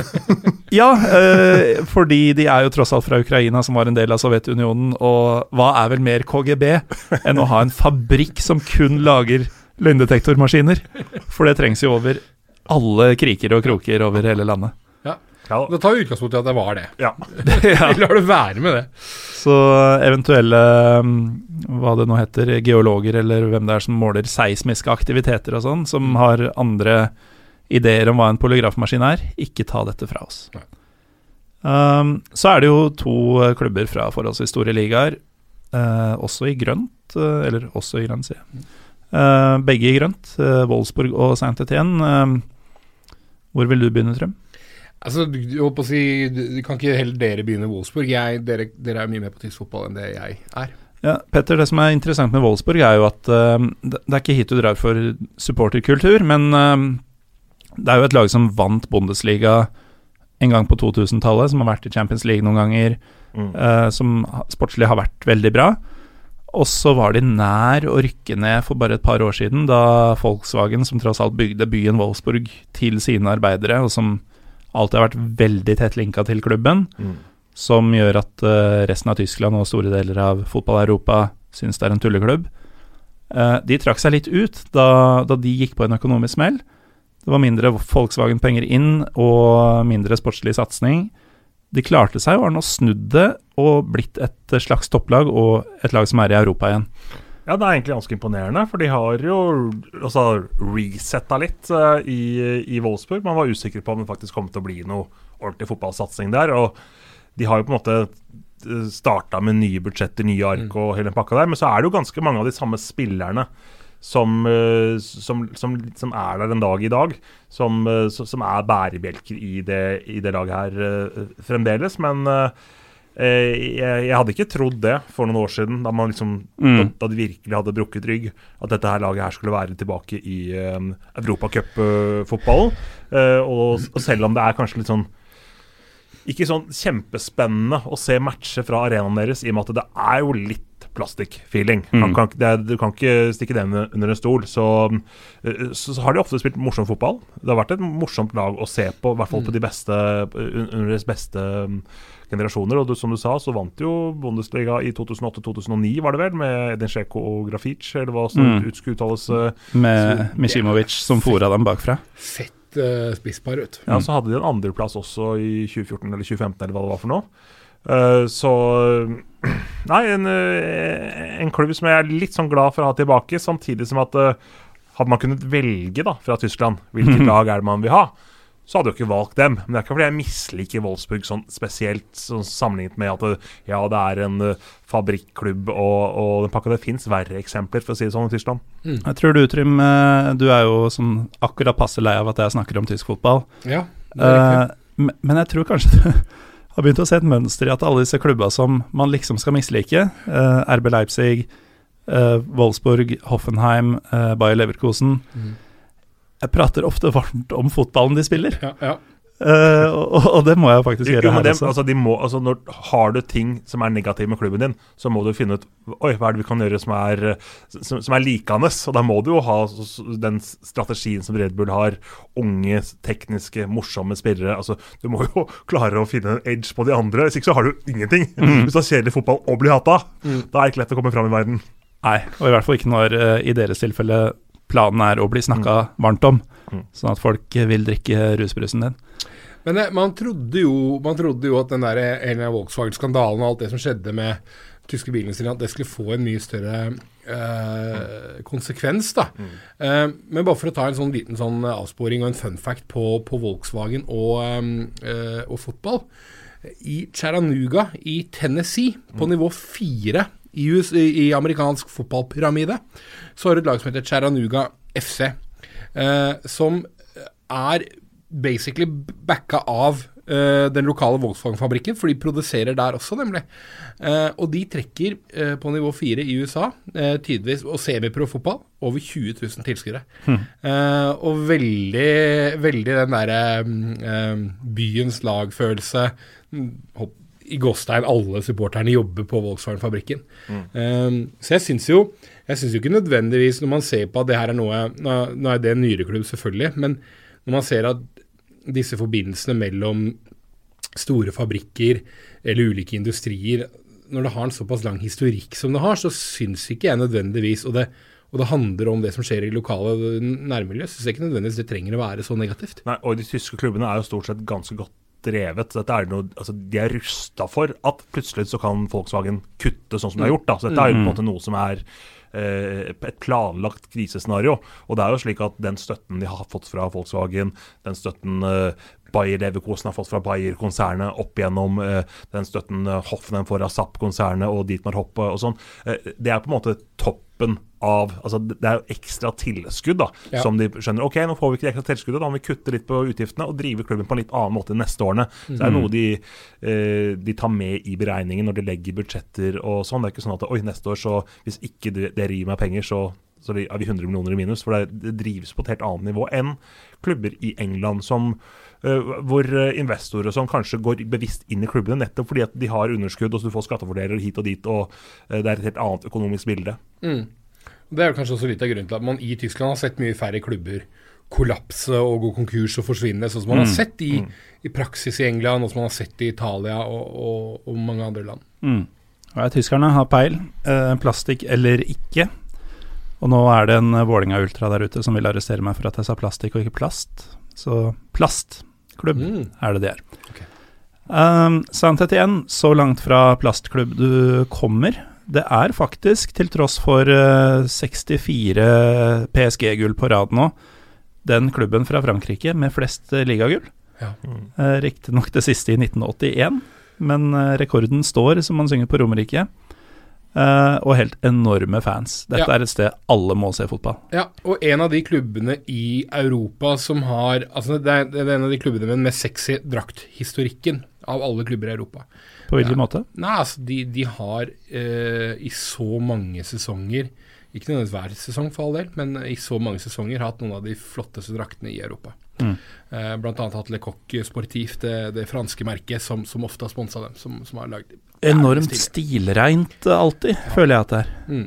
Uh, veldig lite nonsens og helt to the mm. spot. Mm. Men jeg har ikke bare gode minner med Saint-Étienne. Jeg husker uh, da vi i Eurosport hadde rettighetene til Europaligaen, uh, så um, fikk jeg i oppgave å kommentere kampene til St. igjen, for da hadde vi jo Selnes og Søderlund. Ja, så hadde jeg, alle, da hadde jeg alle kampene til St. igjen i gruppespillet, mm. og de spilte Europas kjedeligste fotball på det tidspunktet der. Uh, det eneste man kunne la seg begeistre over da, var jo selvfølgelig fansene og stemningen og sånne ting. Mm. Uh, så, så, for meg er det litt sånn mixed feelings med det laget der, for jeg har sett dem en del utenom òg. Det har ikke alltid vært uh, veldig underholdende. Du må ha en god del popkorn for å kose deg med de matchene. Altså. Men tar jeg feil nå, eller er ikke, er ikke han Wabi Kasser en av dine favoritter, eh, Morten? Eh, ikke sånn nødvendigvis, men han, er, eh, han, har vært fryktelig god siden ja. han kom tilbake til eh, Frankrike. Uh, og vi, vi har snakka om andre lag som en sånn reject-gjeng. Mm. Ser man på troppen til uh, Saint-Étienne, så er det mye folk som har kommet tilbake fra mer eller mindre mislykka opphold andre steder. Var Bikasri en av dem. Han skulle jo redde Sunderland. Mm. Uh, og hvis, hvis man kjenner til Sunderland per i dag, så er det ingen som har redda dem. Ja. En, Eh, en er jo også en sånn. Kanskje, kanskje Mm. minst av andre Minst av alle var Bikasri. Eh, men ja, Jan eh, Mvila, mannen som aldri ble noe av. Mm. Han skulle jo bli eh, den store ballvinneren og midtbanespilleren til Frankrike. Surra rundt. Um, Timothée Kolodjiejczak, som eh, vel var med å herje litt for Sevilla eh, da de sto på som verst. Han er jo nå utlånt fra Tigres i Mexico. Eh, så har du eh, Altså, Franskmenn er de eneste europeerne nesten som havner i meksikansk liga. en gang. Ja, men, Det er ingen europeere som gjør det. Mathieu Debussy eh, kitta ut fra Arsenal. Ja. Uh, Riyad Bodebouz, litt usikker på hvordan han gjorde det i eh, Betis, men eh, han har ikke vært lenge i Spania. Han herja jo i Frankrike og dro til Spania av den grunn, er nå tilbake i Frankrike. Um, pluss, pluss, pluss. Så um, det er jo De har jo sitt beste lag på lenge, Mm. men samtidig så er det jo et lag som virker litt sånn som et korthus, da. At det plutselig faller igjen, og da rakner det. Ja, Unntaket av disse rejectene er jo da William Saliba, da, unge stoppertalentet som blei kjøpt av Arsenal, uh, men som, som, som, er på, eh, som er på lån og skal bli værende i Santet igjen da, for å heller spille fast der enn å kanskje ville benke i Arsenal. Hva var det ved den overgangen som irriterte deg så fryktelig, Trym? Ah, ja, altså Overgangen i seg selv irriterte ikke meg, men jeg synes det er Jeg er jo en av dem som ikke lenger lar meg sjarmere av topp, topp liksom internasjonal fotball. Da, det være seg toppen av Premier League og, og sånne ting. Jeg syns ikke det er noe sexy lenger i det hele tatt. Eh, og For meg så var det et veldig godt eksempel på det. Det var da William Saliba, som da var liksom 17-18 år gammel tidligere i sommer, blir henta til eh, Arsenal. Og denne kiden som da selvfølgelig har hatt en eh, kometsesong for Sant Etienne i, i hva var det, halve fjorårssesongen eller sånt nå.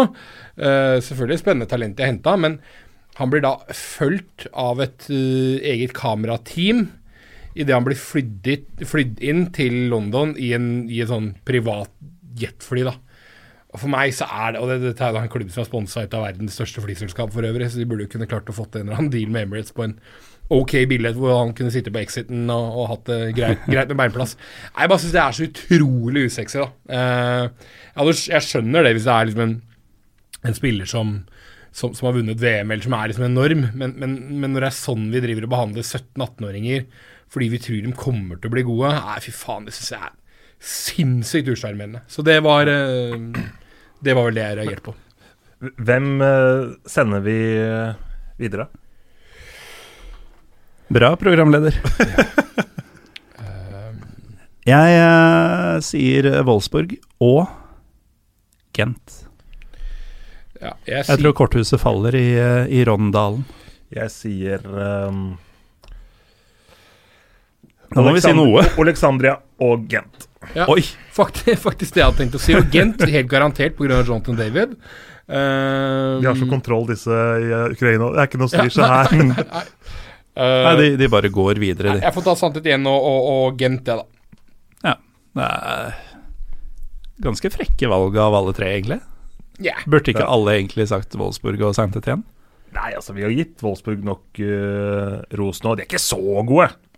Ja, de har Vote Veghorst. Han De er ikke å så gode, var det jeg sa. eh, Gruppe J og Tror jeg er klar for gruppe J, ja. Ja.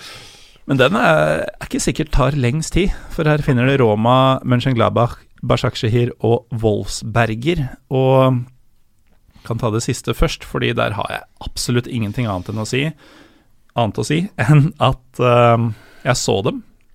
Oh, ja. uh, da burde du ha mye å si, da, hvis du har vært og kan. verdt å jo, jeg, research. jeg, jeg så dem borte eh, mot Austria Wien i uh, påsken 16, må det ha blitt. Jævlig kjedelig 0-0-kamp. Uh, ikke en bortesupporter i sikte. Og eh, det er det jeg har eh, fra dem. Det var en litt kald dag. Jeg var litt sur i utgangspunktet. Det var en fotballopplevelse jeg nesten skulle vært foruten, bortsett fra at eh, jeg selvfølgelig aldri ville vært en fotballopplevelse foruten. Eh, men de er debutant i europeisk gruppespill, da. Mm, mm. De tar jo en tredjeplass i østerriksk liga i fjor, eh, og det er jo imponerende i seg selv. Um, er en, ja, som du sier, det er første gang de er med i europeisk gruppespill. De er, de er da fra en, noen typisk sånn østerriksk eh, by, sånn vakker by, litt ja, alpeby, da, ikke sant. Jeg skal heller ikke påberope meg å, å, å, mene at dette er et lag jeg kjenner veldig godt, men de har De har henta en ny spiss som heter Sean, uh, Sean, Sean Weismann fra Israel. Og han har gønna inn sju mål på de første fem kampene i år. Men har han spilt i Finland? har han spilt i HJK? Det er jo det relevante spørsmålet. Uh, nei, men jeg tror han kan, kan, bli en interessant spiller å følge. Mm. Han har uh, Siste klubben hans uh, var Eller, det er ikke helt sant, men han var på utlån til Ironi Kiryat Shmona. Ja. Det er et herlig navn. Ja. Han har debutert for det israelske landslaget nå i år. Så, Hvis ikke jeg husker feil, så hadde han en bakgrunn fra Jeg lurer på om han har vært innom rumensk fotball òg, men jeg, det, det, skal jeg ikke sitere meg på det. Nei, det skal jeg ikke sitere deg på. Uh, det burde du bare late som du ikke sa. Ja, ok. Um, men i hvert fall et veldig ubeskrevet uh, lag, dette her. Ja. Og vi vet egentlig ingenting om Altså, de var ikke på uh, bortekamp i Wien. Nå er ikke Austria det de var, men det er jo en av de større tradisjonsrike klubbene der, og det er en Wien-tur. Så man skulle jo tro at hvis det var noe trøkk i byen, så, så dro de dit. Det gjorde de ikke. Så uh, Wolfsberg får bare rett og slett uh, Wolfsberger. Men hadde, altså, Har ikke de bytta navn og sånn? Jeg kjenner ikke så godt til dem. At det var noe sånn Fikk noe spons på at de skulle hete det og det og Altså, jeg har som sagt jo. ikke det, Eller, det har jo vært mye sponsornavn i østerriksk fotball. Ja. Uh, ja. det hører liksom med. Ja, det gjør det. Jo, men, jeg sånn- savner den tida veldig mange av de østerrikske lagene het Casino. Ja. ja.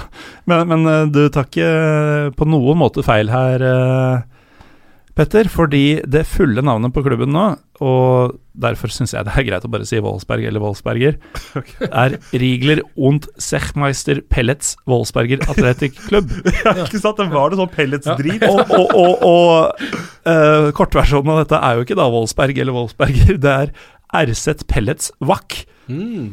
For sponsorship reasons, ifølge Wikipedia, som jeg nå har oppe. Så La oss la tvilen komme dem til gode også etter at vi har sagt dette, og så får vi heller sjekke dem ut i en match mot uh, mer navngjetne motstandere, om det, om det, er noe å samle på dette her. Men uh, det meste tyder på at Wolfsberger er en klubb vi bare skal glemme med en gang. Ja, og, og treneren deres har vel jobbet 10-15 år i Red Bull-systemet. Gerhard Struber. Ja, ja. Struba.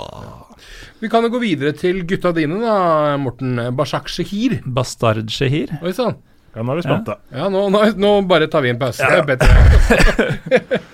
Dette er jo klubben til den nåværende tyrkiske regjeringa. Um, kort fortalt. Dette er uh, en klubb som ble stifta.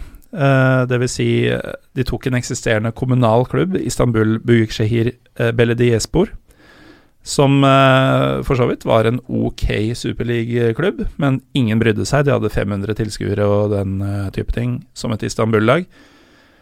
Uh, så hadde du disse Gesi-protestene i 2013, hvor store deler av befolkninga begynte med å protestere mot riving av en park, fordi her skulle bygge kjøpesenter, noe de ikke syntes noe om.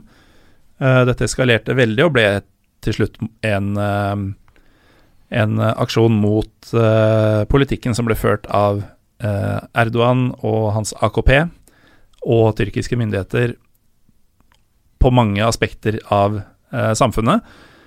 Og sentrale i disse protestene var da et samla eh, Besjiktas, Galatasaray, Fenerbahçe supportermiljø, som tross alt var ganske rutinerte på det å gå i konflikt med politi og uh, hvordan behandle um, tåregasskader, vannkanoner uh, Hvordan face dette her, da. Så de var på en måte en felles front, uh, og beskytta da vanlige demonstranter i stor grad sammen.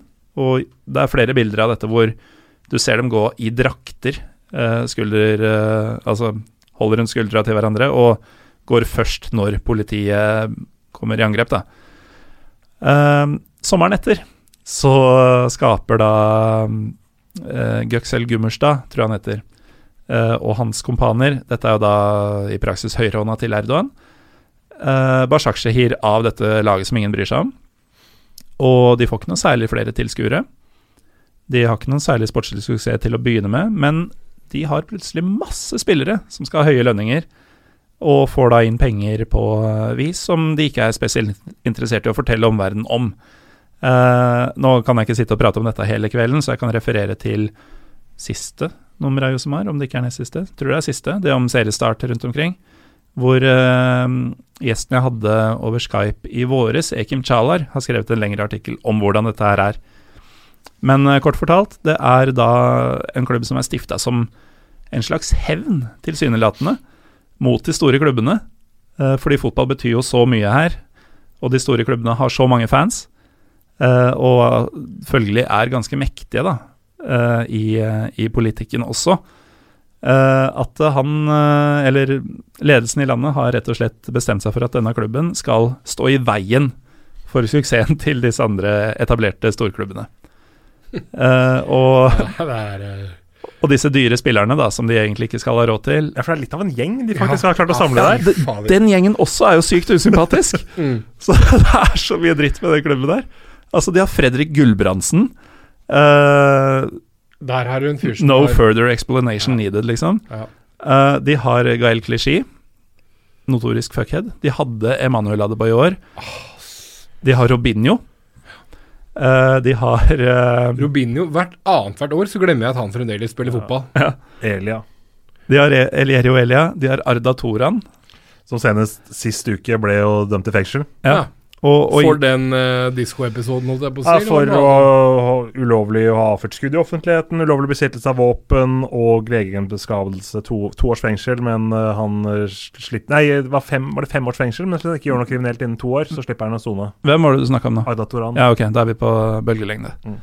Uh, dette er da noen av de mange spillerne som får høye lønninger av uh, Gøksel Gummerstad og AK-partiet. Ja, men Fredrik Gulbrandsen har ikke fått spille noe særlig eh, der enda, virker det som. Eh, stort sett, tror jeg. Nå skal jeg ikke påberope meg å ha googla det her helt ferskt, men jeg tror han stort sett bare har vært avspist med noen få innhopp. Jeg vet ikke om en av dere ja, Men du ville heller ikke spilt så mye hvis du konkurrerte mot Dembaba og Robinho?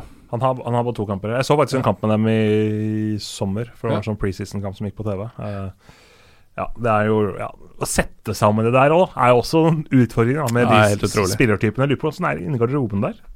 Og inntil nylig så hadde de altså, jo Sånn Sunderland til Aidai, hvor hun fulgte den gjengen der, kunne vært ganske fett. ja, det hadde Det hadde blitt mye sensur. um, ja, så det var uh, Bashak Shehir, da, som uh, som ikke på noen måte må finne på å gå videre her, og det er det vel heller ingen fare for, fordi vi har Roma og Borussia Mönchengladbach, Uh, Roma Trym, det er jo en klubb som uh, Du nevnte Saint-Étienne som en klubb som ofte har fine drakter. Ja. Det er jo en uh, hva skal vi si, estetisk flott klubb, AS Roma. Absolutt, selv om jeg vel savner den tiden de spilte i enten Diadora eller Kappa. Så, litt mer ja, nasjonale, sexy draktleverandørene enn Nike, som de vel er i nå.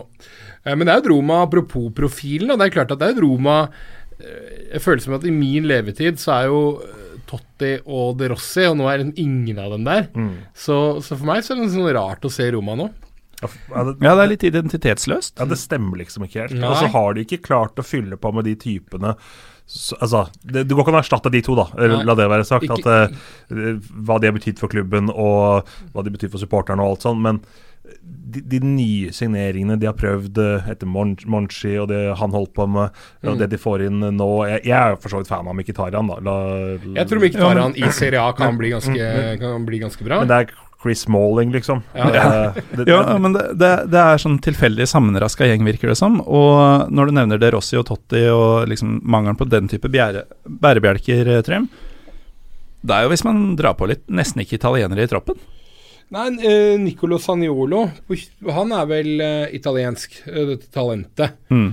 så der har du en spennende spiller. Og Lorenzo Pellegrini er jo også en spennende spiller. Så, så, det er vel kanskje to for, for, for, eventuelle lyttere som ikke så ofte ser på eller følger Serie A, så kan det være mm. to unge, spennende spillere å følge her, da. Ja, og spesielt Pellegrini og Mkhitarian herja visst noe voldsomt i, i forrige ja. runde i Serie A. så jeg tror de blir kule å følge i um, i, i Europaligaen. Uh, jeg tror også det her kan bli en ganske underholdende gruppe. Uh, mm, uh, helt klart. Spesielt når vi etter hvert snakker om, om det siste laget i gruppa også. Ja, som er Borussia Mönchengladbach. Og det er en fin klubb. Ja, og en fin klubb som eh, nå trenes av eh, en som kjenner Europaligaen bedre enn de fleste. Marco Rose. Som ble henta fra Red Bull. Hvilken? Salzburg. Ja. Er det grunnen til at de nå klarte kvaliken? Uh, at det, altså, Salzburg klarte det? Ja. Uh, det vet jeg ikke. Men, uh, men, det er jo en trener som står for en veldig veldig kul fotball. da Så jo Salz, Salzburg veldig mye i Europaligaen da de herja som verst, holdt jeg på å si, der. Og mm. ja, kult lag, fantastisk stadion, jeg har vært der selv. og det er en enorm stemning der. Det er altså sånn Stemningsmessig da, så snakker man stort sett om Dortmund. Nå har vi begynt å snakke om Frankfurt også, men det er en vanvittig stemning der. Vi snakker mm. om Köln eh, også. Så det er også en, en, by, eh, kanskje ikke by, men eh, en klubb som du kan avlegge et besøk om du har lyst til å oppleve tysk ekte fotballkultur. Borussia Park er faktisk en av de som er øverst på ønskelista mi i Tyskland, mm. av de jeg ikke har vært på ennå. Den ligger litt rart til, faktisk. Litt sånn vekk fra selve bysentrum der mm. og, og alt sånn, men det er ganske god logistikk rundt der. Vi tok toget fra Düsseldorf. Uh, og på togstasjonen der så står det busser bare transporteres da bort til stadion, og mm. alt går liksom uh, smack, smack, så, så, så, er det på plass, da. Så er det jo gøy når du nevner Kjølen, at det er jo faktisk hovedrivalen. Mm. Så, så, det er jo et virkelig glødende derby, da, ja. med, med, to klubber med enorm tribunekultur, begge to. Masse kule spillere også. Uh, Rafael er fremdeles uh, i klubben. Hvilken uh, kulthelt? Uh, Brelembolo, som jeg fremdeles ja. på en måte ikke har gitt opp, da. Nei, det var ikke det, nei. har han fremdeles på Det tror jeg ga opp han for tre år siden. Jeg bare likte han, da. Ja. Altså, fra da han var ung og, og spilte sine første kamper. Han spiller jo fremdeles med trøye nummer 36, for han tok 36-bussen til treninga mm. da han var ung. Det er liksom holdt på, da. Hatt så vanvittig mye skader. Lars Stindel er en spiller jeg liker kjempegodt. og eh, det er mange kule typer. Og, det er fortsatt Jan Sommer som førstekeeper, ja, eller for ja. dere som følger Ja. ja. Så, så, dette er også et lag jeg har lyst til å følge litt ekstra med på i årets Europaliga, og det er også et lag som kan gå langt. Og Trym, jeg bare innbiller meg at du har litt sånn romantisk forhold til Lillian Tyram. Er det korrekt? Ja, jeg, ja. har... Eller Lillian Müller. ja, kanskje ja på begge, begge to, egentlig. Men jeg alle som var med i 98 og 2000 for Frankrike, har nok jeg Eller i 2000 var det mm. Nicolas Anelka med, så alle bortsett fra han, da. For i sommer, så kom, uh, i sommer så kom sønnen Markus Tyram mm, mm, uh, fra fransk liga til uh, Glabach. Ja. Tok like gjerne tieren. Uh, ikke herja foreløpig, men de har i det hele tatt hatt litt innkjøringsproblemer under ny trener, Petter? Det har de, og det kan man kanskje si er litt naturlig også. For har en uh, veldig krevende spillestil, uh, Marco Rose. Det er noe annet enn uh, Hecking-fotball, Uh, Nå ligger de vel litt over midten på, på, tabellen, så vi må nok gi dem litt tid da, før han får, får Hva skal jeg si Uh, markert seg på den måten han vil, med tanke på at spillet skal liksom gjenspeile hans personlighet og hans tanker. da. Mm. Uh, det, det, vil nok ta, ta, tid, men jeg har, jeg har troa på Marco Rose og uh, min tidligere kollega Eivind Biskår Sunde. Og har jo snakket om Marco, Marco i så mange år og mener at han er liksom han er treneren alle må digge, da. Ja, han elsker Marco Rose. Så all grunn til å være nysgjerrig på dem denne sesongen. Men trenger Marco Rose så lang tid at avansementet står i fare her, Petter? Jeg håper ikke det. Uh, jeg håper at de skal uh, fikse dette her. Det er ikke sånn at jeg er sånn die hard-fan for å si det på den måten av laget, men jeg, men jeg syns det er et kult lag som jeg har lyst til å se langt i turneringa. Uh, men Altså, vi vil jo gjerne se at kanskje Roma kan eh, lykkes litt med La oss si at Justin Cloyfert eh, kan få fart på beina og skåre litt mål og bli morsom å se på, og at vi får med Borussia Mönchengladbach videre. Mm, mm. Mm. mm. Nei, det, det, er det man håper på. Altså jeg stikker huet mitt litt ut og så sier at Wolfsberger taper alle, alle seks kampene ja, i gruppespillet. Uh, altså. Um, og da er det bare å håpe at ikke Bashak Shahir tar noe sånn uh, ja. Roma kan jo finne på å snuble overalt, egentlig. Ja, mm. Men det kan også Borussia Mönchengladbach. Altså, ja. det, er ikke gitt at de tar poeng borte i Tyrkia og, og sånn. Så, Nei, men nå, nå, er det ikke noe heksegryte de skal til i Istanbul, altså. Nei, men uh, det er ikke alle tyske lag som er uh, like flinke til å ri to, to hester på en gang. Altså holde på i Bundesliga og i uh, Europa er det ikke alle som har hatt tradisjon for å være like sterke på. Det er for så vidt et uh, godt poeng. Og fra det gode poenget, Petter, så drar vi videre til gruppe K, og her er det mye rart, altså. Vi har uh, Slavan Bratislava, vi har Besjiktas, vi har Braga, og vi har Wolverhampton. Kan jo begynne med det dølleste. Uh, disse ulvene fra Molineux, eller uh, The Black Country i England. Man skulle jo tro at det var gøy med en sånn gammel traver fra England som er tilbake i det gode selskap. Ganske fæl klubb har de blitt. Har de det?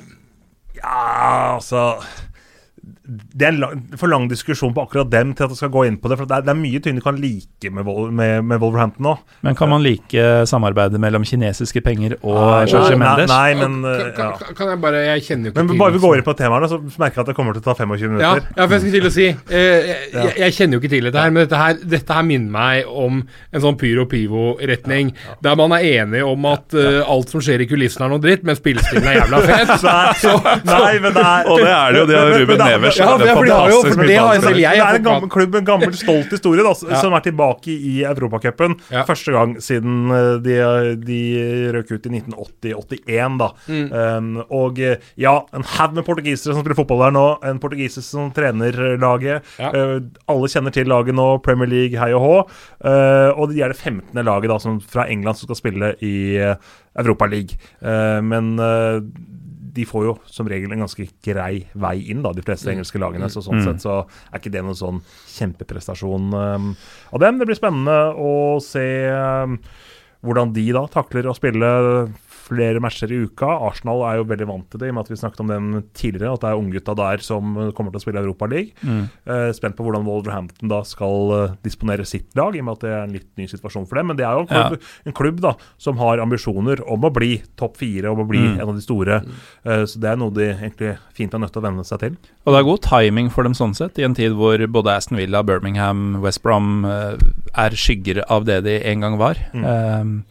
Ja, og Chelsea kanskje ikke satser så hardt som de tidligere gjorde. Ja. Og Arsenal altså, sliter litt med å komme seg opp igjen. For å ta hegemoniet i den mm. delen av landet, da. Mm. Ja, sånn eh, som er svært folkerik. Ja, mm. Jeg syns det er litt synd at Wolverhampton ikke er i gruppe med Wolfsberger, uh, Wolfsburg og ja, Roma, da, siden de har en ulv i logoen sin. Jeg lurer på om det faktisk var en mulighet også, i hvert fall at tre av dem kunne gjøre det basert på seeding. Det hadde jo faktisk så, vært helt nydelig. Ja, det hadde vært helt fantastisk. Da, da måtte det blitt en egen episode på et par timer. Hvor, Ulveepisoden. Hvor vi hadde Trygve Slagsvold Vedum med. Og da måtte vi hatt med Ricky van Voldsvinkel og Magnus Wolff Eikrem i studio. Ja. Nå kommer perlene ja, nå, nå, på nå en snor. Det her. uh, men, men uh, jeg, jeg, kjenner ikke, jeg kjenner jo ikke noe særlig til, uh, til dette prosjektet til Nuno Herlander, Shimowers, Espirito Santo. Men alle disse portugiserne Jeg vet at noen av de unggutta av de yngre, altså ikke de mest etablerte, har jo fortid i Braga. Så det er veldig kult med tanke på at de skal møte Braga. Ja, Hvem er det som har det? Noen av de unggutta. Altså, jeg, jeg kan ikke navnet på en Premier League-spiller, eh, Morten. Nei, greit nok. Ja. Men, men, du veit hvor de har vært før. Ja da. Det, det... Uh, og da kan vi jo dra til Braga, da, siden du ville dit. Ja, jeg ville dit. Det var liksom min måte å, å, å, å komme meg over dit på. da. Fjerdeplass i fjor i denne portugisiske ligaen som jeg snakket om tidligere i dag, med 298 tilskuere. Riktignok ikke da oss Braga. Um, det jeg veit, er at uh, altså Braga har jo blitt en, en, en kjenning i europeisk fotball. og De tapte Europaligafinalen i 2011 mot Porto. Ja, det, er, 15. deltakelse på de siste 16 årene. Ja, det er alltid med det. Ekstremt imponerende. Men jeg veit at siden forrige sesong så har de solgt ganske mange av spillerne uh, som de hadde med. Så det blir veldig spennende å se hvordan årets dag uh, settes sammen, og hvordan det glir på plass. Som vanlig så er det selvfølgelig sjukt mange brasilianere i, i, troppen. Skal jeg fortelle noe sjukt om, uh, om, Braga? Altså Når du sier at Var det 15. gangen på 16 år at de er med i et europeisk gruppespill? Vet dere hvor mange ligamesterskap de har? Ja, det Null? Null, ja. ja. Mm. Vet dere hvor mange ganger de har blitt nummer to? Ti. Én! Oi. Det vil si det at de, de, er sånn hele tiden kanskje nummer fire-fem. Ja, ja. Hver eneste gang. Det er stabilt, det. Det er stabilt. Og det sier kanskje litt om hvor vanskelig det er å slå seg forbi de tre store også. Ja. Men er det enda mer imponerende å ikke vinne og ikke bli nummer to, enn å faktisk bli nummer to? Så du setter, du setter det litt høy, høyere. altså, det er jo imponerende stabilt å være med så ja, ofte, ja, og, og, når de er med på samme måte hele tida, som de tydeligvis er, da, så er det jo Altså, de har virkelig funnet sitt nivå. Uh, de er som uh, Hva skal vi si klubbverdenens uh, Simon Terodde. spilleren som mer enn noen annen i verden vet hvor han hører hjemme, for å levere. Svarte Bundesliga. Nettopp.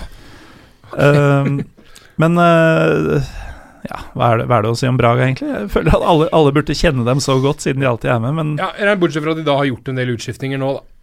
Så, som jeg nevnte. Så, um, så jeg, jeg, sånn sett så blir det spennende å se. Uh, men, men det føles som det er nettopp det her de er så gode på. De klarer alltid å produsere, produsere nye spillere. Uh, nok til å bli nummer fire hver gang. Ja, rett og slett. De har fortsatt dette fantastiske stadionet med fjellvegg. Nei, det har de flytta fra. De har slutta å bruke det. Forferdelig. Hvorfor skulle de Jeg kødder med deg. Hvorfor i all verden skulle de ikke ha det stadionet lenger? Altså, ja, de er fortsatt Nå er du Ja, nå begynner det å bli seint her. Ja da, de er fremdeles på, på altså, Det er jo massevis av ikoniske stadioner i, uh, i Portugal. Og de er fremdeles uh, på samme hjemmebane, uten kortsider, bygget inn i fjellet. Mm. Uh, så det er som det skal være i Braga. Ja, det er vel akkurat det det er.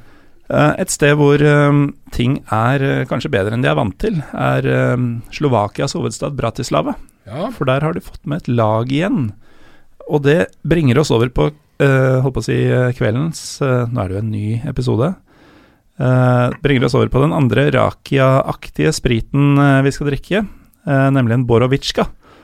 Som er, er, laget av einerbær, tror jeg. Det er grusomme greier, ass. Ja, dette blir ikke noe hyggelig for noen av oss. Hvorfor har du i det hele tatt en sånn flaske som det? Ser til med at den er helt fersk og Ja, jeg uh, besøkte en venninne i Bratislava for en måneds tid siden. Okay, ja.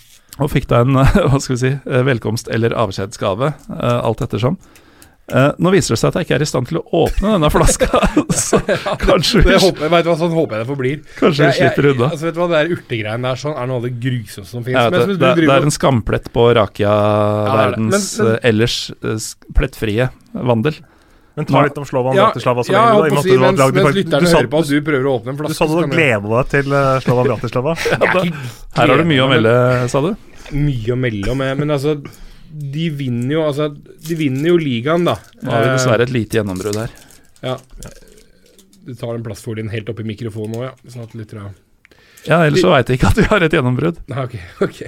Greit. Slovan Bratislava vant ligaen i fjor. Um, og det, det, har jo Dette er jo historisk sett en svær klubb i, uh, i uh, Slovakia, men, men uh, har ikke vært liksom helt der oppe. Eller har jo hatt en del konkurrenter, bl.a. Rosenborg og, og andre. Så når vi først er inne på, eller har nevnt Rosenborg, eh, visepresidenten deres eh, til visepresidenten til Slovan Bratislava, Ivan Kmotrik jr. Og når han heter junior, så er det selvfølgelig fordi han har noen scumbag-far, da, ikke sant. Han etterforskes jo nå, mens vi sitter her, for en eh, Eller etterforskningen er så over. En nazihilsen han gjorde etter cupfinalen mot Rusum Uh, Rujomberok. Ja, Rujomberok, eh, som det selvfølgelig uttales i fjor. Så det er jo en ja, utrolig eh, usexy ledelse i den klubben der, da, når du står der med, med Heil Hitleren og, og den, den, biten der sånn. Eh, og når du da først liksom har lagt lista litt for hvor usympatisk de er, så er det jo også sånn at mest sannsynlig så spiller de begge de to første hjemmekampene sine uten fans. Mm. I hvert fall den første. Um, mulig at de får til en sånn løsning hvor kids på 14 år og under får lov til å komme med noen foresatte. Uh, men, men uh, sånn som jeg har forstått det, så er ikke, det er ikke helt avklart enda. Men, de går vel neppe glipp av noe? Fordi Slovan Bratislava har jo rekorden i Europaligaen for ni strake tap. Ja. Mm. Og apropos det å drite seg ut, da. De, siden de vant, så havna de i Champions League-kvalik, og der ryker de da faktisk mot Sutjerska fra, fra Nord-Makedonia. Oh. Eh, så, så, så, det har jo vært en fryktelig tung, tung start på årets europaeventyr for Sloven Bratislava. Det, det, er faktisk et oppgjør som eh, det er rart at ingen av oss tre var på i sommerferien. ja, faktisk. Men eh, apropos sommerferiedestinasjoner, så slår de jo faktisk da til slutt Paok, for å, eh, greske mesteren, for å komme mm. inn i Europaligaen. Så, så der ligger jo noe eh, kanskje forventninger om at, at, at, de kanskje kan bite fra seg. Ja. Men, men framstår som en uh, Apropos selvfølgelig dette her eller det, Selvfølgelig er årsaken til at de spiller uten fans, er jo da bråk og rasisme og de vanlige greiene. Så det framstår jo per nå som en fryktelig usympatisk ja. klubb. Men, en klubb like usmakelig som det vi nå skal smake på, for nå har jeg omsider fått denne Borovnitsjkan i glasset, som sagt. Dette, dette lukter Det her lukta ikke bra. Nei laget på einerbær. Ja. Uh, og um, Jeg har vært GM og gitt oss veldig lite i glasset, så Ja. vi kan bare bli, bli kvitt faenskapet med en gang. Skal vi gjøre det? Skal, altså, den skal shottes, er det det Nei, men det er jo en slurk, Ja, ja, på en måte. Ja. Smakte på det. Det eh, lukta verre enn det smakte. Ja. Ja, det- jeg Det smakte egentlig veldig lite. positivt overraska. Var Mm. mild. Det var ikke så ille som jeg Nei, Jeg vi, skal ikke ta en tår til, men eh, da veit vi at dette kan gå. Jeg har hatt noen tunge runder i Bratislava på dette greiene her tidligere, Mm. og det unner jeg ikke en Molde-supporter engang. Nå, nå har vi snakka uh, negativt om, eh, om Slovan som klubb, og for så vidt om, eh, om slovaker sånn Da kan eh, jeg si noe positivt. Ja, kjør. Ja. jeg har litt sansen for treneren deres, Jan, Jan Korsak, Mm. fordi jeg liker, jeg liker å spille fotballgolf. Han liker å spille fotballgolf. Ah. Han har VM-bronse i fotballgolf. Oi. Tilbake til eh, om det var 2016 i Argentina. Så han er ganske aktiv og er med i mange turneringer den, eh, den dag i dag. Så, Sian Korsak har jeg litt sans for av den grunn. Det er ikke mer. Nei, men, eh, Vi hvis vi tar de fortsatt halmstrå vi kan av positive ting på, eh, på Slovan Bratislava. Har vi mm, fortsatt noen uh, fans av engelsk fotball som hører på, så mm, kan jeg nevne at han spilte jo Champions League for Korsitze mot Manchester United i 1997, må det ha vært. ja, ok. Det, det husker jeg svært godt. Eh, Da var treneren til Korsitze, hvis jeg ikke husker helt feil, Ivan Korsak, som, Kozak, som eh, jeg da tror er faren hans. ok. Eller var det kanskje Jan Kozak senior, når han her er junior. Nok om det. Uh, men nå har vi jo snakka fortsatt, til tross for bidraget fra Petter her, ganske negativt om Slovan og om deres fans. Men vi nevnte jo i forbindelse med Lask at Bratislava som by Mm. Er et sted som man godt kan poppe innom, eh, Trym. En av Europas mer undervurderte byer, egentlig. Yep. Um, den er nok ikke sånn helt på Praha-nivå, men til gjengjeld så har den heller ikke det enorme mengden turister som, som Praha har, da, selv om det har begynt å ta seg opp veldig. Ligger fryktelig fint til. Eh, kort busstur fra eh, hovedflyplassen i Wien, som jeg ikke helt husker hva heter. Um, Wien. Ja, Wien heter den. Um, så, så det, er en, det er en by som, som absolutt uh, Som man, man virkelig kan kose seg i.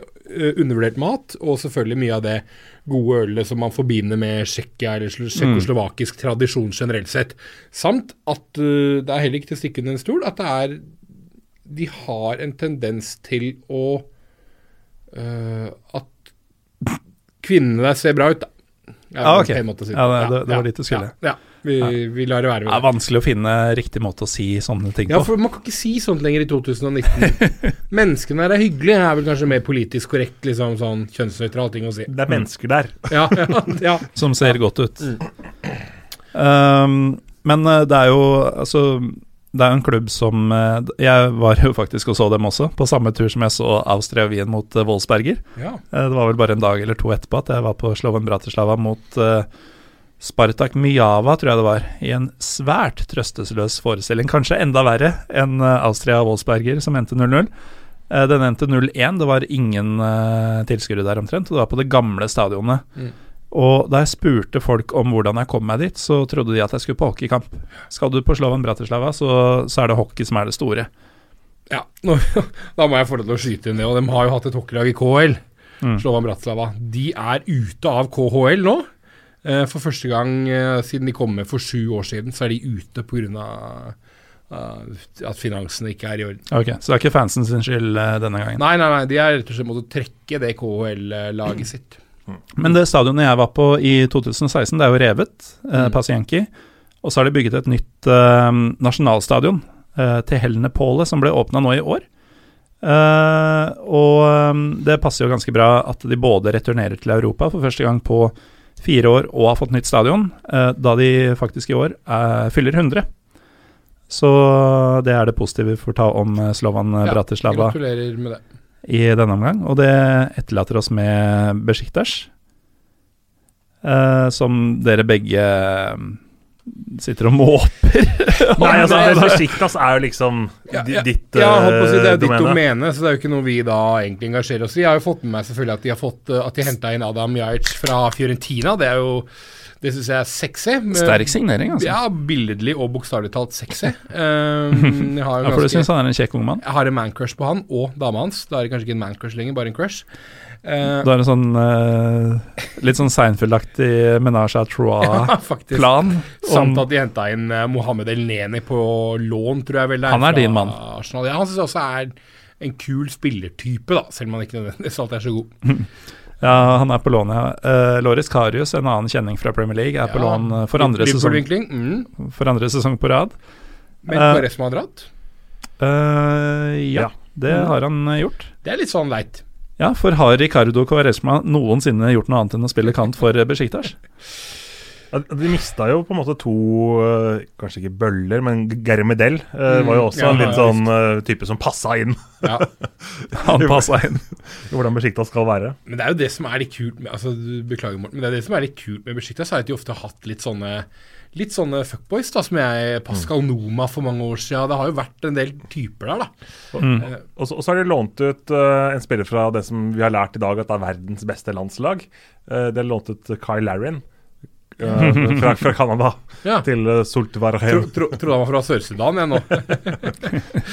Ehm, ja, men, men de var jo med i, De var jo med i Europaligaen i fjor. Og da var vel faktisk det eneste laget de slo, var vel Sarpsborg. Eh, så de imponerte jo ikke noe sånn voldsomt i, uh, i fjorårets gruppespill. Nei, det gjorde ikke det. Uh, og de har heller ikke imponert uh, særlig i serieåpninga i år. De ligger faktisk på 13.-plass etter fire kamper, med bare fire poeng. Uh, og det til tross for at de i sommer henta Bashakshehir sin suksesstrener Abdullah Avje, eh, som også har vært eh, landslagstrener. Så det er, sånn, det er ikke noe nytt for han å komme til et sted med press, eh, hvor det er trøkk rundt deg og fokus på jobben du gjør. Eh, så det er på en måte ikke unnskyldninga, etter å ha kommet fra en klubb hvor presset ikke fins. Um, så det, er litt interessant å se hva, hva er det egentlig som foregår i Besjiktas nå. Er de så dårlige? Har de et uår? Og er de i så fall dårlige eh, på sikt, fordi de gjorde det såpass dårlig i fjor? Eh, men det er jo en av de virkelig Altså, det er jo den tredje største klubben i Tyrkia, og følgelig en av de største klubbene i verden, Mm. uh, for å ta i litt. For det er jo sinnssykt mye folk i Tyrkia, og det er jo nesten ikke en tyrker som ikke holder med et av de tre store Istanbul-lagene. Så de har jo per definisjon minst 20 millioner supportere bare blant tyrkere. Mm. Uh, og så har du det at tyrkisk fotball er stort i Aserbajdsjan og, og litt sånn rundt omkring i den delen av verden også. Mm. Uh, så, så det er jo enorme dimensjoner vi snakker om her. Og eh, hvis de underpresterer fortsetter å underprestere, underprestere, så er det ikke snakk om å gå videre fra den gruppa her. For da, da blir det Braga og Wolverhampton all the way. Ja. Nei, det, det, kan være riktig. Jeg vil jo tro det vi var inne på med Wolverhampton i stad. Jeg vil jo tro at, det, at, eh, at de kommer til å satse litt, selv om de har den Premier League, den der litt tøffe komboen. Mm. Eh, og, og tyrkisk lag er jo notorisk kjent for å choke i, i Europa. Så Ja. at de kan finne på å underprestere, hadde jo ikke overraska noen. Nei, og, og Braga har jo møtt eh, Jeg føler at de alltid møter Fenerbahçe, det er ikke helt sant. Men portugisiske lag møter alltid Fenerbahçe, og Fener vinner aldri. Og Fener er jo, som vi alle vet, eh, krumtappen i tyrkisk fotball. Eh, som vi alle vet, krumtappen i tyrkisk fotball. Ja, ja, ingen, ingen ikke innvendinger. det er ikke noen sterke meninger om den ene eller andre Eh. veien, men, men jeg kjøper den. Men, men jeg føler at den gruppa her, sånn, det er jo fire lag som er veldig vanskelig å uh, vite hva man skal forvente av, da, med, med en debutant som må forholde seg til, til Premier League og hvordan ting går der, med et Besjikta som kan finne på å svinge alle mulige veier, med et Slovan Bratislava som egentlig ikke er vant til å være på dette nivået, og og da selvfølgelig Braga, som, som er vant til å være her, men som, som nevnt har bytta ut masse spillere. Så den her syns jeg er fryktelig vanskelig å spå, den gruppa her. Men, men samtidig, selv om jeg på en måte er litt skeptisk til hvordan Wolverhampton eh, kommer til å satse, eller eh, kommer til å takle det å måtte bytte så mye på lag og sånn, så er det jo Altså, sitter du på eh, benken og på tribunen, eh, men er en del av Wolverhampton-stallen, da, så det er jo kvalitet der også når det er Premier League-lag. Så, så, så de skal nok klare seg greit, men jeg vil likevel faktisk sette både Besiktas og Braga foran dem på tabellen. Så min tabell ser ut sånn som den står på eh, oppsettet, eh, Ja. med Besiktas, Braga, eh, Wolverhampton og Slovan Bratislava. Ikke Besiktas først, vel? Jo. Ok. Jeg tror at de kommer til å slå tilbake. Ja. Selv om de uh, har mista en del av eh, altså, Det er jo ikke noe sånn dyp analyse, dette her. da. Dette er jo Nei, det skal vi ikke ha på oss. det, det, Men uh, en liten magefølelse på det, for at nå har vi jo tippet en del sånn standardtabeller mm. på de forrige gruppene. Da må vi ha litt rot her nå. Ja. Ok, men da blir det Slovan foran Besjiktas. Men uh, apropos den roteringa til Wolverhampton, de har jo en vesentlig smalere tropp ja, enn en Arsenal, f.eks. Um, I hvert fall førstelagstroppen ser, eh, ser ganske sårbar ut. Og med det så går vi faktisk over til den siste gruppa. Det er litt vemodig at vi nå har 11 av 12. Og mm. om, om, lykken eh, står oss bi, som det heter, så kommer vi i mål denne gangen også. Og her har vi et par lag vi kommer til å fråtse i, og et par lag vi bare vil bli ferdig med. Aset først, eh, som representant for det siste. Eh, ikke Aset Alkmaar. Nå har vi vært innom veldig mye sånn Det er ikke Las Det er ikke Sporting Lisboa, det er ikke Vitoria Gimarez, det er heller ikke Aset Alkmaar. Uh, hva mer er det å si om Aset. Uh, oi, Aset. Vi, vi, vi, har vel snakket om det før. Det er jo et kult lag. Uh, Svensson, Midtsjø, og så kommer jo etter hvert Evjen etter, uh, etter jul, som vi alle vet. Ja. spiller god fotball. Uh, mange unge spillere. Uh, de, en, et, uh, de, sliter jo litt med stadionet sin, da, som vi husker som skjedde for et par uker siden da det blåste litt. Det, det. det, blåste litt for mye for solcellepanelet på taket der, slik at faktisk taket på hovedtribunen der kollapsa. Mm. Og man mm. skal jo være så utrolig takknemlig og glad for at det ikke var noe kamp den dagen, for det hadde jo flere hundre menneskeliv uh, mm, gått tapt. For det var jo mm. altså så Det var en sånn svær bit av taket ja. som smalt ned. Jeg syns det er så skummelt, det. Dette, dette, er ikke noe sånn forfallent stadion heller. Uh, tvert imot. Mm. Uh, ja, som du sier, det kunne skjedd når som helst, mm. tydeligvis. Og at det skjedde i sommerferien. Ja, altså, det blåste jo spesielt mye, da, men det ble jo arrangert et sykkel-EM rett borti gata der. Så mm. Ja. Det burde jo ha tålt Jo, men Et stadiontak skal jo ikke blåses over ende. Nei, nei, det, er det, det, er det jeg mener. sånn Uansett hvor mye du står og rister i det taket. Det er jo ikke ulven og de tre grisene vi snakker om. Nei, nei det er ikke det. Men uh, um, Så pass på solpanelene deres. Sånn men, men det er jo det er et lag som Igjen, da, vi var litt på andre nederlandske lag også. Det er 4-3-3 og mange mål og offensiv fotball. De slo ut Hekken og, og Royal Antwerpen på, på vei inn i, i Europaliga-kvaliken. Uh, du nevnte noen av disse norske alibiene, og så er det jo Calvin Stengs, uh, som er en spennende spiller. Uh, så jeg tror det kan også bli et ganske kult lag å følge, og jeg mm. tror faktisk den gruppa her sånn tror jeg kan en, bli en av de morsomste gruppene i Europaligaen, faktisk. Ja, helt enig. Og nå glemte du faktisk den knallharde kapteinen Ron Flar. Ja, mm, ja han fins ennå. Han fins ennå, ja. til en viss grad. Uh, og, og, det var Aset, da. Uh, når ikke Fred Friday er en del av klubben, så er det ikke vits i å dvele ved det. Han er nå i klubben ennå, Friday, men, men, han sliter med lyskene sine og er nok ikke aktuell for noe europacupspill med det første. Nei, langt fra å bli registrert i troppen, i hvert fall. Ja. Uh, et annet lag som vi gjerne vil bli ferdig med, er jo Manchester United. Gutta dine, Morten? Gutta, de gamle gutta mine, ja. som recovering United-fan. Uh, det er jo litt sånn Tidligere så var det litt rart å se Manchester United i Europaligaen, fordi vi alle er jo oppvokst med at de alltid vinner ligaen, og følgelig alltid er i Champions League. Og når, det, når, du ikke måtte vinne ligaen for å være med i Champions League heller, så var de alltid med der likevel. Og nå føles det litt som om dette er der de skal være. Ja, det er veldig rart. Ja, det er faktisk sant det du sier. at Man, jeg, jeg, tenker ikke noe spesielt over at de faktisk er Europaliga igjen, da. Nei, uh, det er jo, det, det de hører om, til. Vi snakker jo om den, en av de tre rikeste klubbene i, i verden. Så det er jo klart at det er jo, en, det er jo en massiv nedtur at det er her de befinner seg per nå. Ja da, ja da, det er ikke tvil om det. Uh, og det er jo ikke der de på sikt egentlig hører hjemme. Men jeg er helt enig med det dere sier, at akkurat nå så virker det nesten naturlig. Mm. Um, ja, og det er liksom ikke bare det at de, de har liksom et uh, Jeg brukte uttrykket uår om Besjiktas. Dette er jo mange års stagnasjon. Mm. Og du skal jo være en ganske sånn blind av lidenskap som United-fan for å se noen vei ut med det første. Det er jo ikke sånn at de er to spillere unna å vinne ligaen igjen. De er jo milevis unna å, å, å nå Fordums øyder. Ja, de hadde vel en skotsk trener som var ganske god der før. Har ikke helt gått veien siden. Nei, jeg, har- jeg har ingenting å legge til her. Jeg syns det er gøy å lese sånne artikler om at uh, kantinedama har fått en sjokoladeplate og sånne ting, men, men utover det så, så, så følger ikke jeg United sånn veldig tett. Jo, men altså, Det er ikke noe vits å bruke tid på at her. Alle følger jo Manchester United eh, Mm. uansett. Ja, og det Frivillig eller ufrivillig, så gjør man jo det. Ja. Det er jo Ja, du blir tvangsfòret. Ja, Så la oss prate litt om Astana. ja Jo, gutta, vi- dine, gutta dine, Petter. Vi, vi, vi- skal snakke litt om gutta dine straks, eh, Petter, men vi må bare skyte inn at uh, 24. oktober i Oslo, på utestedet Ball ved Youngstorget, så er det um, Partisan mot Manchester United. Uh, Eller det vil si, kampen foregår i Beograd, men eh, i forbindelse med den kampen så skal eh, Pyro Pivo ha en uh, Europaliga-aften Mm. med den kampen som hovedfokus. Jeg håper å få med Trym som eh, partisan-alibiet. okay.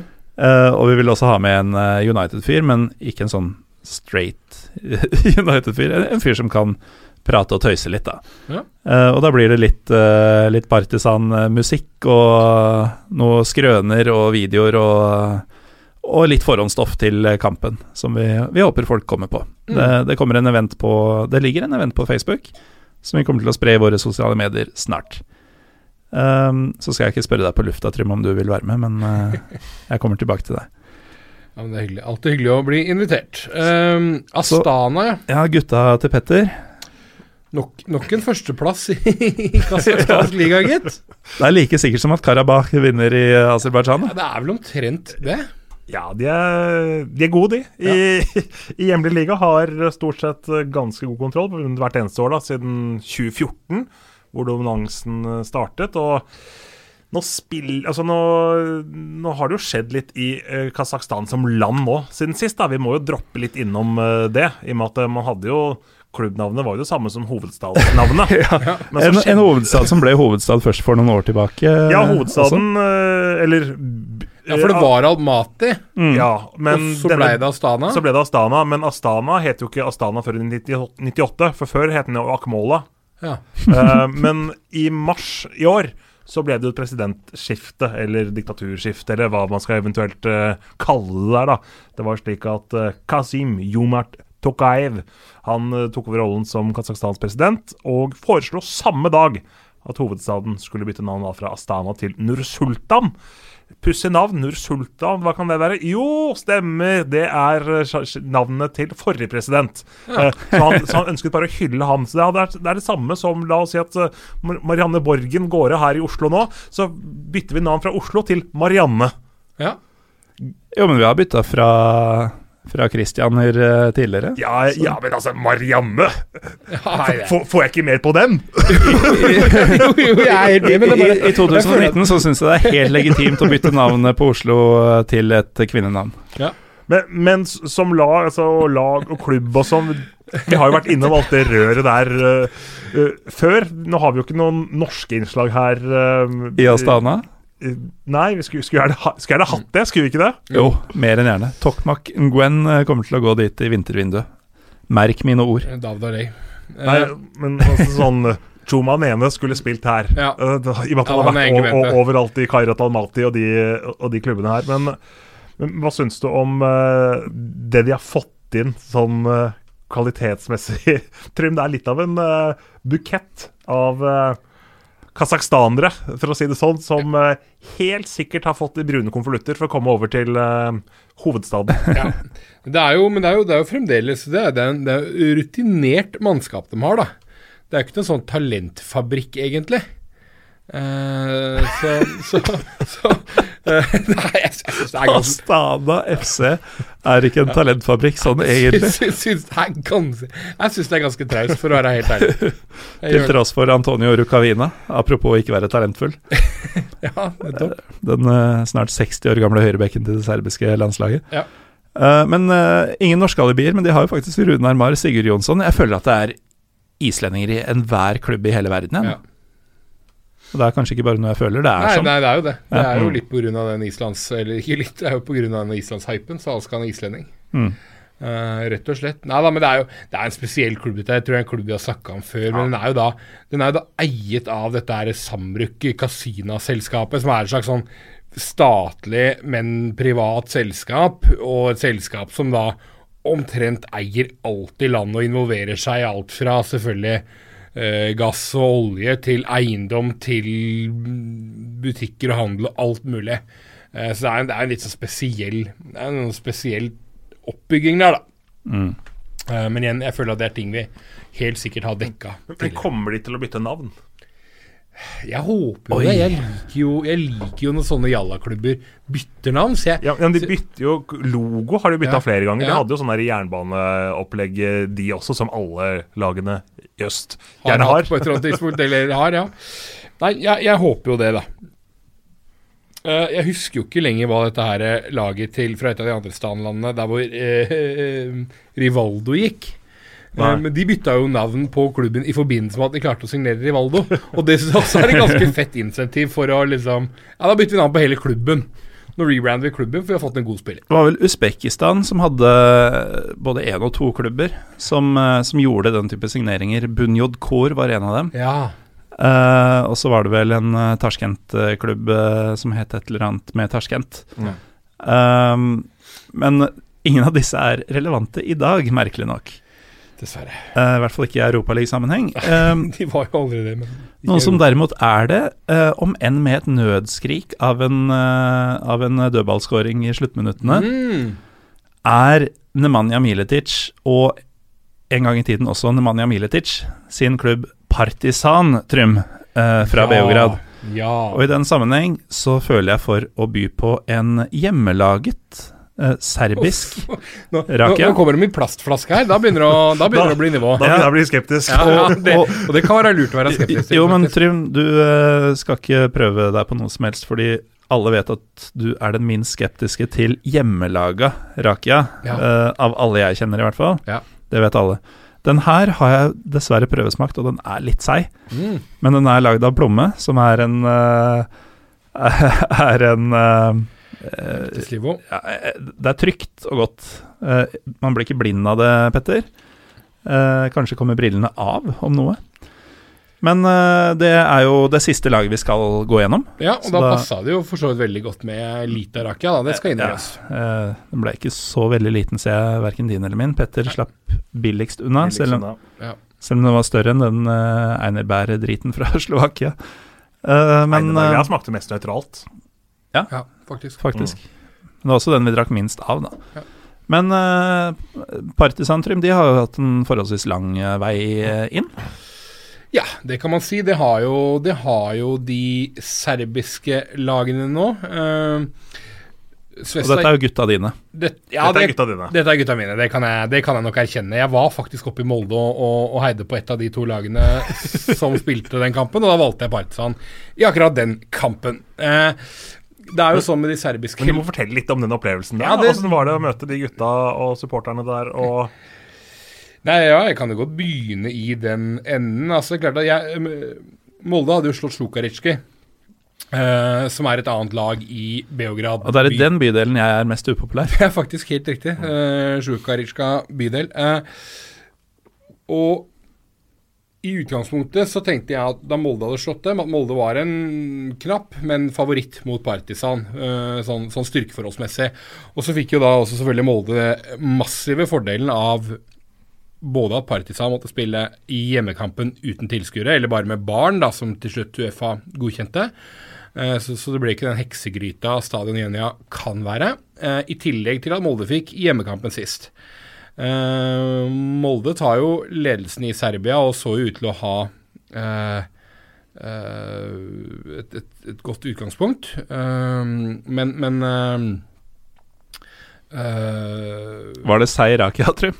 Nei, ja, nei, jeg, jeg bare tenke litt på, på vinklinga her, men, men, men i hvert fall da, så, så, så um, Når matchen er på Molde stadion, for, for, for å hoppe litt frem, så, um, så, så følte jeg at Molde hadde fått et godt resultat. De er favoritter hjemme. Um, det er en ok delegasjon med Partisan-fans som kommer seg opp til eh, Molde, faktisk. Roughly eh, par hundre, eller? Ja, 150-200 kanskje. Um, um, majoriteten av de er jo da norsk-serbere som, som har støtta Partisan hele livet. Kanskje til og med født i Norge. Det var noen som hadde med seg barna sine som kanskje var og så Partisan for første gang. Så det var litt kult, eh, men da med serbiske røtter. Uh, og så var det da faktisk noen delegasjoner som hadde kjørt i sånn minibuss hele veien fra Beograd til Molde. Ganske seig tur. det er tur. Og, og, og, det, må lov, det, det må være lov til å si, og de gutta De gutta der var ganske seige, da, for å si det sånn. Det, det er litt sånn Det er litt sånn joggebukse og kortklippstil og ja. Nå sjekker jeg Molde-Beograd kjøretur, hvor lang ja. den uh, er. Uh, men, men uh, topp stemning i Molde by, og jeg tror det var mange som fikk i seg bra med ananasbrus og, og i det hele tatt. kommer inn da 30 timer kjøretur. 30, ja. Og de kjørte hjem igjen rett etter kampen. De hadde ikke hotell, de kjørte rett hjem etter kamp. faktisk, så det var opp og ned på dagen. Um, men, men, jeg kommer inn på stadion der, og man, man, eh, det er jo egentlig en ganske god kamp av Partisan lenge. Uh, men Molde tar ledelsen 1-0 ved Leke James, var det vel. Uh, og er jo da er jo da videre etter 2-1 i, i, første match. Uh, men i ja, hva kan det være, 80. minutt omtrent, mm. så får Partisan en, egentlig en litt unødvendig corner. Um, det var Haugen som ga bort? Ja, Haugen gir bort en corner som han fint kunne ha klarert, men jeg lurer på om det var noe kommunikasjonssvikt mellom han og han Kranix, hvordan er det uttales, det mm. navnet der? Ja. Uh, hvorpå Partisan skårer med din store favoritt, Nemanja Militic, Morten, som går opp og, mm. og header den ballen i mål. Uh, fryktelig viktig for Partisan fordi at Svesta, eller Rød Stjerne, allerede har kvalifisert seg til Champions League, og det styrkeforholdet er i ferd med å Uh, den avstanden er i ferd med å bli litt stor da, økonomisk, så det var viktig for Selv om det ikke er like mye penger i Europaligaen, så var det viktig for Partisan å, å Til en viss grad holde følge. Ja, og få, få, inntekter som gjør at de kan satse. Ja. Og da, da, er det ikke til å stikke under en stol at stemninga på Molde stadion var god, altså. Kanskje ikke blant alle moldenserne, men i hvert fall den kroken jeg sto, så var det, da var det mm. topp stemning, altså. Og den Nemanja Militic-skåringa som han på en måte dedikerte til uh, den nylig uh, solgte Nemanja Militic, uh, skjedde jo rett foran dere. Ja, det stemmer. Så nei, Det var magisk. Det er veldig sjelden jeg opplever noe positivt i fotball. Fryktelig sjelden, egentlig. Nesten aldri. Men, uh, men dette, var, uh, dette, var, min og vår kveld, altså. Så det var deilig. Uh, og så uten at jeg skal greie ut om det, så må jeg nok innrømme at jeg syns det var litt ekstra sexy at det skjedde akkurat på Aker stadion, eller Røkkeløkka, da. Det, det likte jeg. Ja. Det er lov å si. Ja. ja. Uh, vurderer du å dra på noen flere partisankamper denne høsten? Ja, eh, jeg tenker å prøve å få til Old Trafford. Uh, det er vanskelig, og det skal sies som serbiske bortefølge i Europa, vanskelig for serberne å få For Serbia er ikke med i EU, så de sliter med å få visum til å reise de fleste steder. Det er enten tungvint eller i hvert fall fryktelig dyrt. så Derfor så er det vanskelig for dem å få bortefølge, bortsett fra diasporaen som bor rundt omkring. Mm.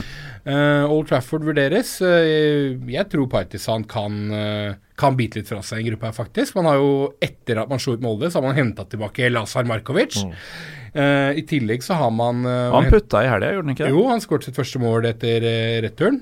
Så er jo da han på den ene kanten, og så har du Soran Tosic på, på motsatt. I tillegg til at man også kan bruke Takuma Asano, tidligere Arsenal-spiller, ung japansk spiller som er utrolig morsom å se på. Uh, og man har en uh, Det er faktisk en ganske bra offensiv. Ja. Altså Selv for oss som ikke følger uh, serbisk fotball Ja, men også Nomar Sadic fra, som er på lån fra Roma, som tidvis ser helt grusomt elendig ut, og tidvis er helt briljant. Hvis han klarer å stabilisere seg på, på, på Middels pluss? Ja, middels pluss, så vil han være også en fryktelig god spiller. Um, så de har et ganske spennende lag nå. Det er Savo Milosevic, kjenning for, fra EM 2000, som er trener for laget. Og jeg tror um, jeg tror det skal bli morsomt å, å se det. Dessverre så er det da sånn at uh, første hjemmekampen uh, går også uten tilskuere. Mm.